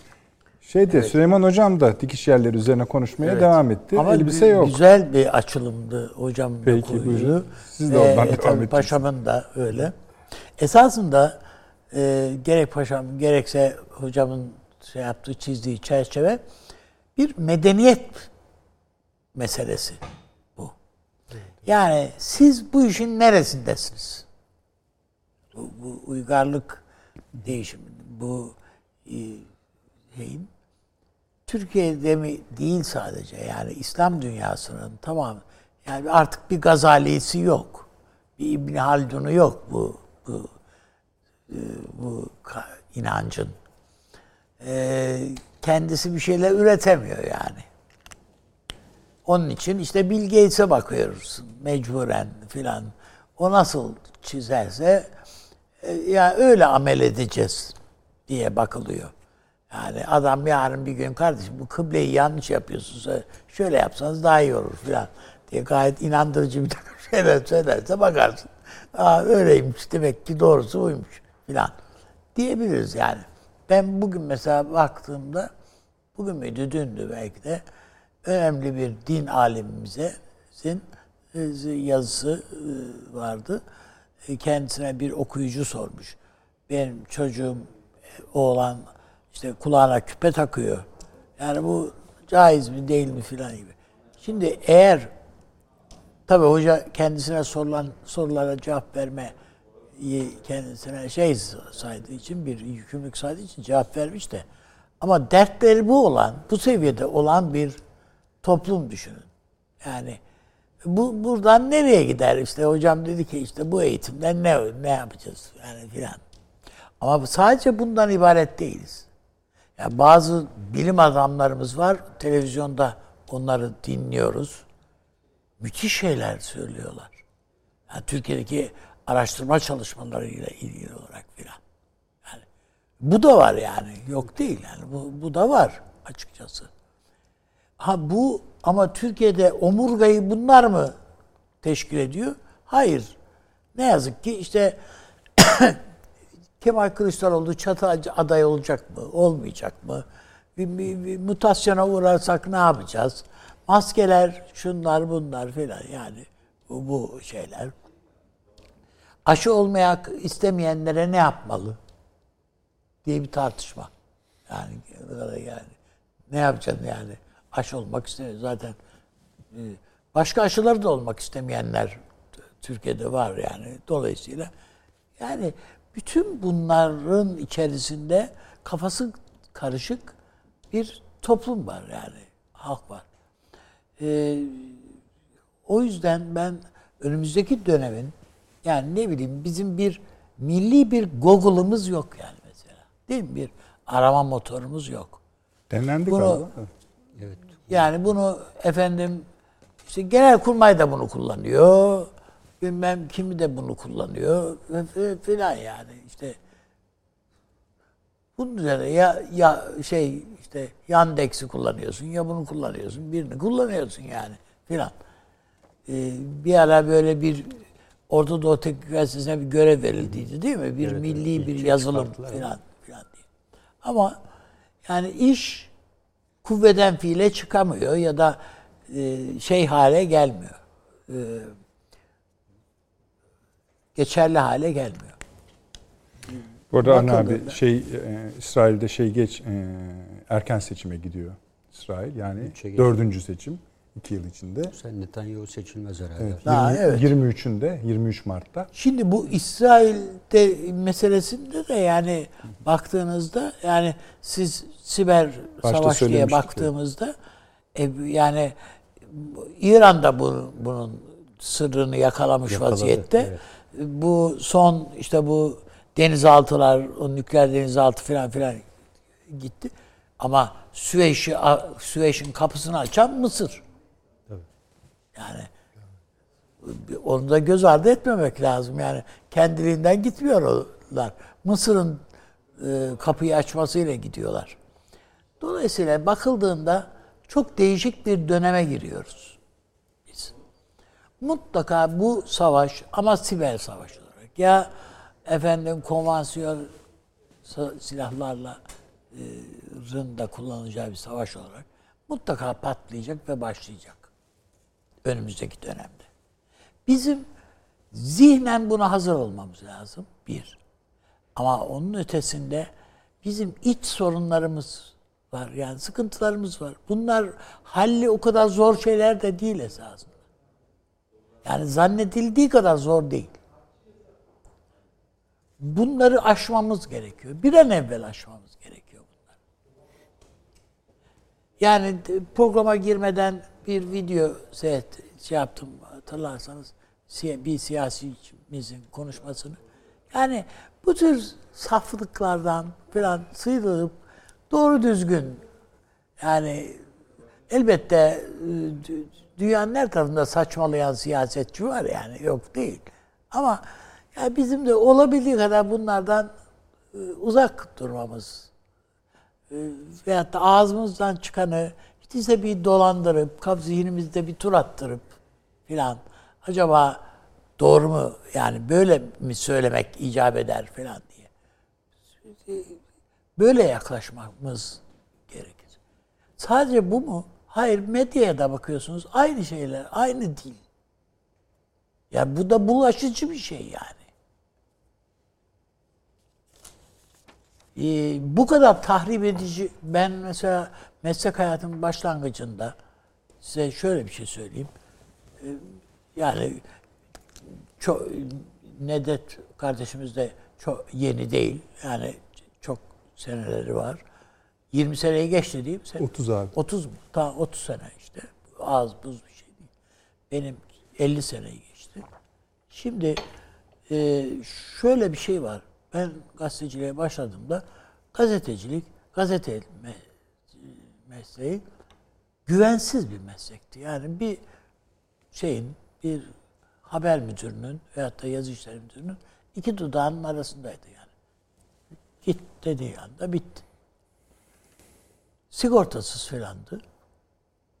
Ve parasız bir meslekti yani. Hem az hem ödenip yani beğen, tutturamazdık yani. Tutturar- Ödeniyor yani mu ödenmiyor mu? tutturamazsın. Evet. Bugün farklı mı? Bugün de güvensiz bir meslek. Yani benim yaşıma gelmiş gazeteciler için öyle değil. Yani biz çıtayı aştık diyelim. Ama birçok genç arkadaşımız var, meslektaşımız var yani. Yine güvensiz bir meslek. Çoğu sigortasız, sendikasız. Birilerinin iki dudağının arasında bu mesleğe devam edip etmeyecekleri ben hiç unutmuyorum. Yani 10 yıllık bir gazeteci, benim de çalıştığım bir gazetede işten çıkarıldı. Orada ben de bir servisim birimin başındayım.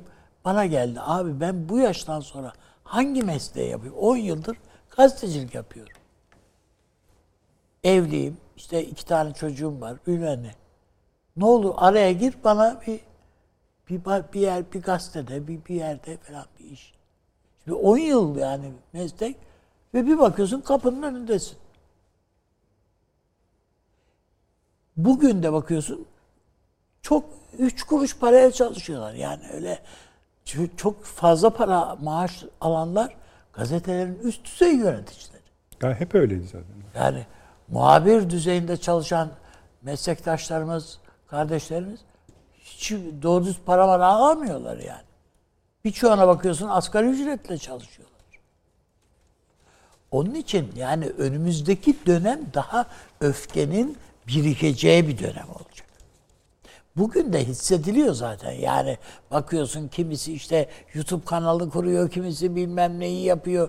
Tutunmaya çalışıyor. Yani bir, bir dal, o, o dala tutunacak yani o çocuk. Çünkü bu meslek güzel bir meslek yani. Bulaşmaya görsün. İşte nasıl tiyatroculuk, işte sahne tozu, bilmem ne falan dedikleri. Bu meslekte de var. Bir yerlerde tutunmaya çalışıyor çocuklar. Ama yarın bir gün bu o öfke başka şeylere de taşır. Bunun örneklerini gördük yani şeyde. E bizde çok zor değil yani bazı şeylerimizi bizim çözmemiz. Ya ben mesela Güneydoğu'da genç işsizlik oranı çok yüksek. Oysa bunu biz e, kolaylıkla çözeriz demiyorum. Ama çözeriz yani. Çözülemeyecek bir şey değil. Bir örgüt sadece gerilla diye bir kart ve bir Kalaşnikov vererek kimlik veriyor ya. Bir kişilik veriyor. Biz koskoca devlet, Türkiye Cumhuriyeti Devleti ne, bu çocuğa eğer bir gelecek şey yani bir kimlik eğer kazandıramıyorsak o çocuğa ne kız veriyorlar ne bir şey diyorlar ya. Yani biz bunu bunu aşarız yani aşmamız lazım. O kadar zor bir şey değil.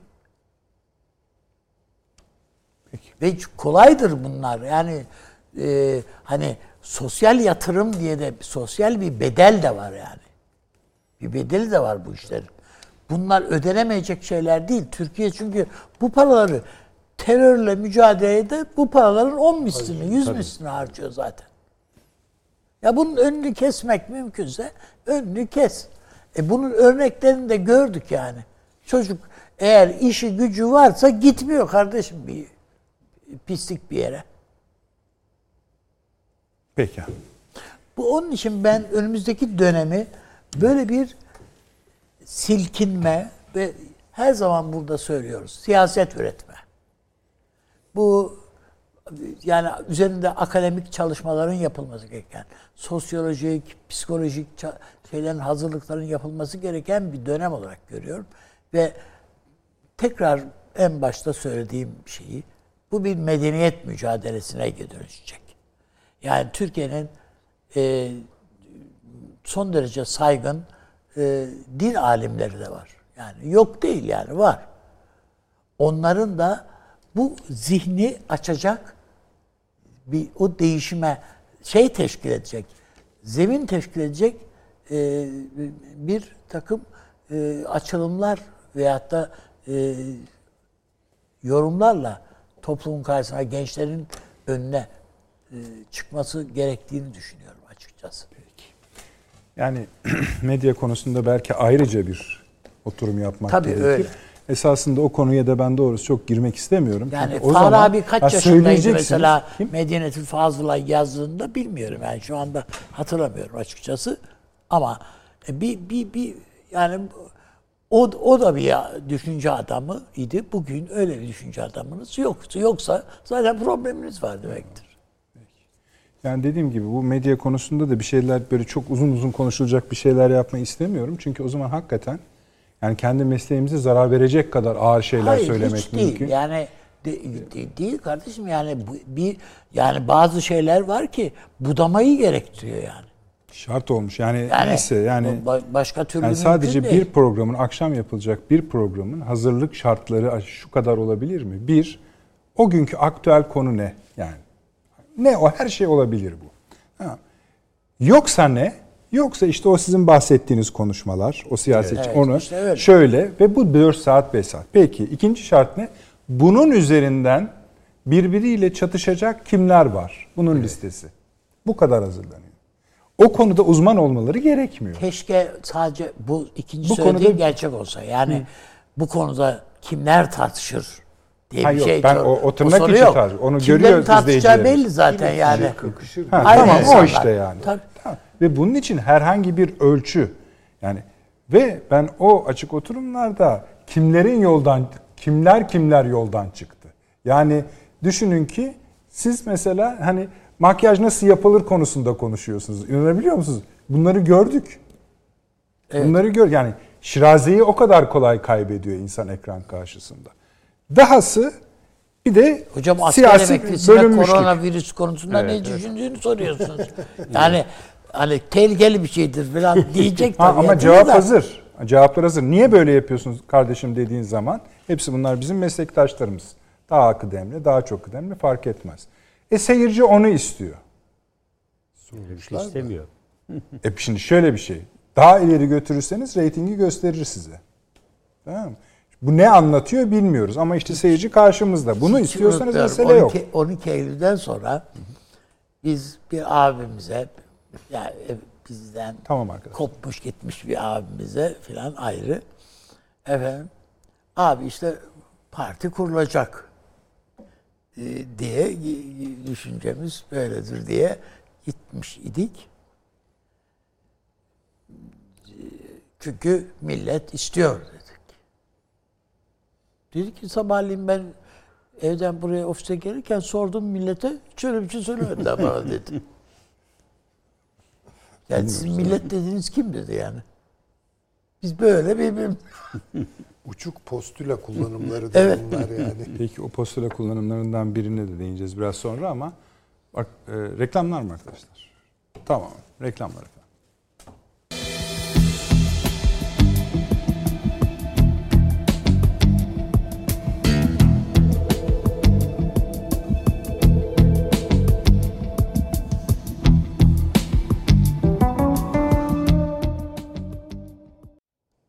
Yeniden akıl odasındasınız efendim.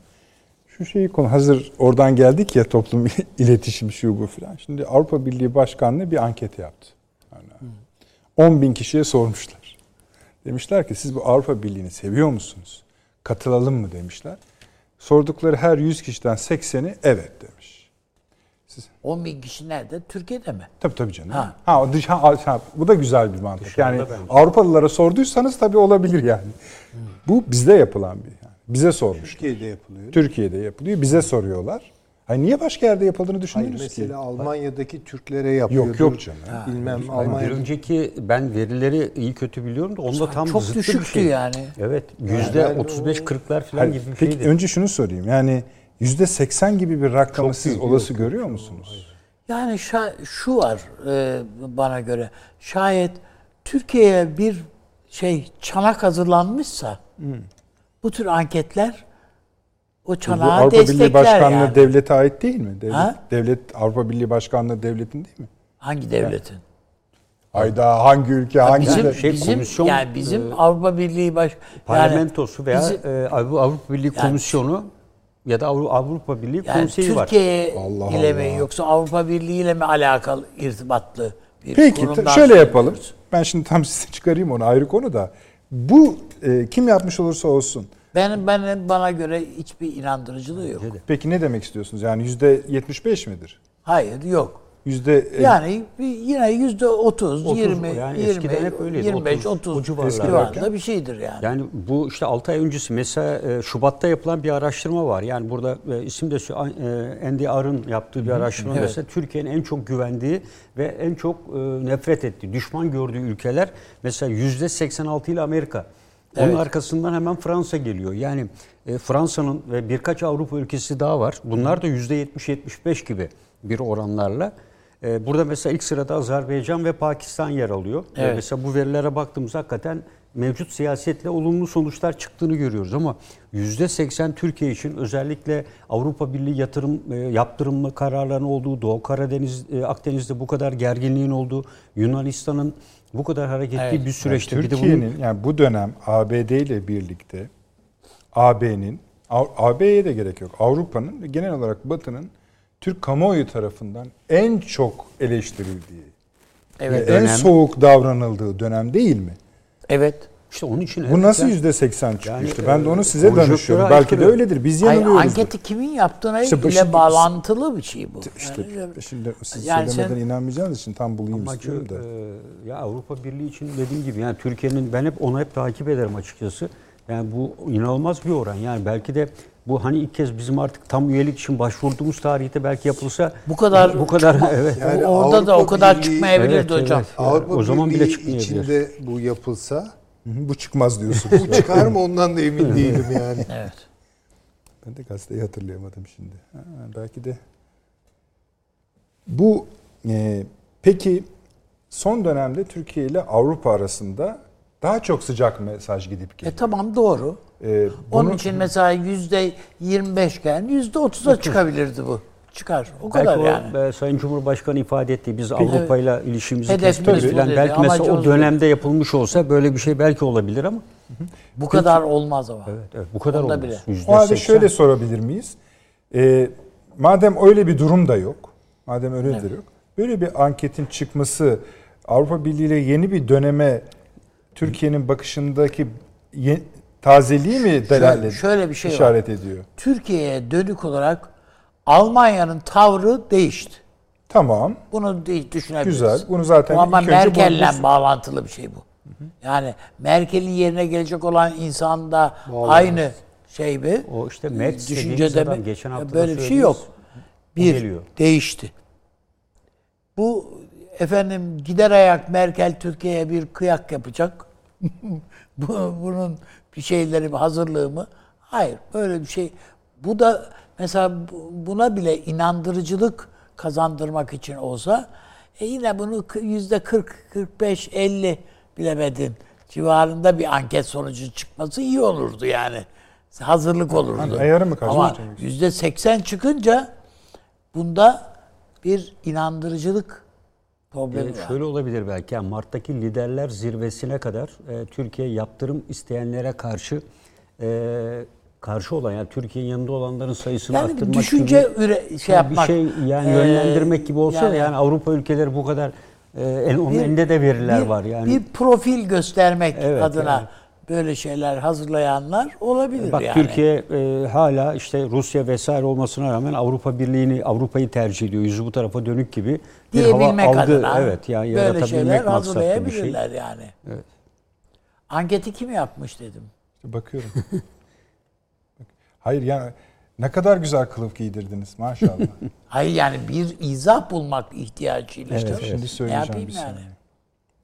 Buldum. Ben şimdi bir esasında bir isim söyleyecektim ama hani şey Ne olur, gibi? ayıp olur şimdi söylemeyeyim diye. O ne demek? Yani Türkiye'nin bir yanında anket firmaları var. Yok yok bu, bu, bu bunu bulacağım Söyle- ben yani. söyleyebilirdim Çünkü yani. hatırlıyorum. Şuna bakalım. Peki. Şu. Abi. Hürriyet'in bugünkü birinci sayfası. AB üyeliğine destek %80'e çıktı. Türkiye Cumhuriyeti Avrupa Birliği başkanlarının yaklaşık 10 bin kişi üzerinde yaptığı anket önemli sonuçlar Bu verdi. Türkiye'nin yaptığı bir anket. Yapmışız bunu. E, o diyorum. Dışişleri Avrupa Birliği Bakanlığı'nın Başkanımız kimmiş yok bizim? Dışişleri Bakanlığı bünyesinde bakanlık Bünyesindeki. başkanlığa dönüştü ya. e, O Tamam. başkanlık yapmış. Yani Tamam oldu mu? Ankete katılan vatandaşların %80'i Türkiye'nin AB üyeliği iyi bir şey mi? Ve bunu destekliyor musunuz? Yani içi- bir soru iki yorum. Yani iyi bir şey mi? Tabii iyi bir şey. Arkasındayız dedirtiyor. E tabi Ankara'da Bu Avrupa oran- Birliği bu Başkanlığı oran- Çankaya'da. e bak. şimdi Çankaya'da bunu sorarsan İstanbul'da Yok, yok. O Çankaya bölümü ayrı değerlendirilmiş. Bak abi. Diyor ki bu oran eğitimli kesimde %90'a ulaşıyor. Yani öbür taraf biz sıradan vatandaşlar. Ama o elit kesimde %90'a varan şekilde seviyoruz, istiyoruz diyor.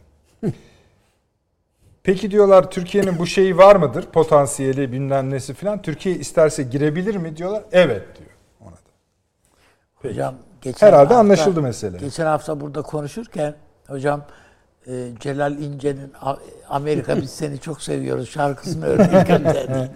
ya bu da onun gibi bir şey yani işte Şimdi ihtiyaca yani, evet. binaen yani şu anda ihtiyaç var gibilerden ihtiyaca binaen böyle bir anket yapılmış. Yarın yani. vallahi başkanlık gönderir bize o şeyi, anketi. Biz de işte bir şey. Görmek lazım. Soruları görmek lazım. Öncesi tabii tabii. bir de bakıyor. E, Madde kökü, Hedef evet, kitleyi hayır, görün. Hedef kitle, nerede yapmış, hangi Diyor ki mahalle. Türkiye'nin geçmiş yıllarla karşılaştırıldığında 2021'de AB için daha istekli bir sürece gireceği bildirilirken söylüyor zaten ya. O süreci neyse. Yani. Peki. Yani yok. Yani siz bu tabii- anketler- Hayır, üstünde bir şey söylemeye gerek de yok. Tamam canım. Söylediniz zaten. Nasıl söyleyeceksiniz? Yani namuslu yapılırsa, prensiplerine uygun bir şekilde yapılırsa anketler belli açılardan bir dereceye kadar fikir verirler. Burada Ve anket kıymetlidir değil bunlar. hocam. Yani- Ama e, istatistik ilmi için söylenen bir tarif vardır biliyorsunuz. İstatistik, bunu hatta bazen istatistik hocaları da derslerin girişinde kullanırlar. Biraz esprili bir şekilde. E, yalan rakamlarla yalan söyleme sanatıdır dersiniz, değil mi? Yani buna Ben- açık yani bir kapı var. Onun elinde matematik veriler var. Bizim yok. Biz sadece kanaatimizi söylüyoruz. Hani Acaba elinde ya, matematik veriler var mı hakikaten? O da belli değil yani. yani biz getirdik. Peki.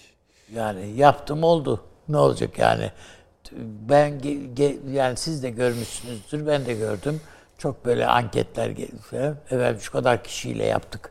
Şöyle çıktı sonuç böyle Yani çıktı. eğer diye. sizin dediğiniz gibi ise kamuoyunu ya yok etkilemek yani etkiler seçim- mi bu? Nasıl seçimlerde nasıl kamuoyunu nasıl etkileyecek yani? Yani aa yüzde seksen Hatta %90 destekliyormuş. Ben niye dışarıda kalayım? Tabii atlayalım Kararsızları- hepimiz bu havuza diye. Kararsa işte gördünüz mü Süleyman Hocam? Kararsızları kararlı hale getirmek. Yani bunun sonunda vize serbestisi var. Bize şey yok. Ee, şu, şu vize serbestisi yok ama mutant virüs var. yani işte o yüzden. Abi çok teşekkür ediyorum. Biz de teşekkür Bu akşam ederiz. Sağ dertleşmiş gibi olduk sohbet ama bu ilk ele aldığımız haliyle program daha çok konuşulacak bir konu.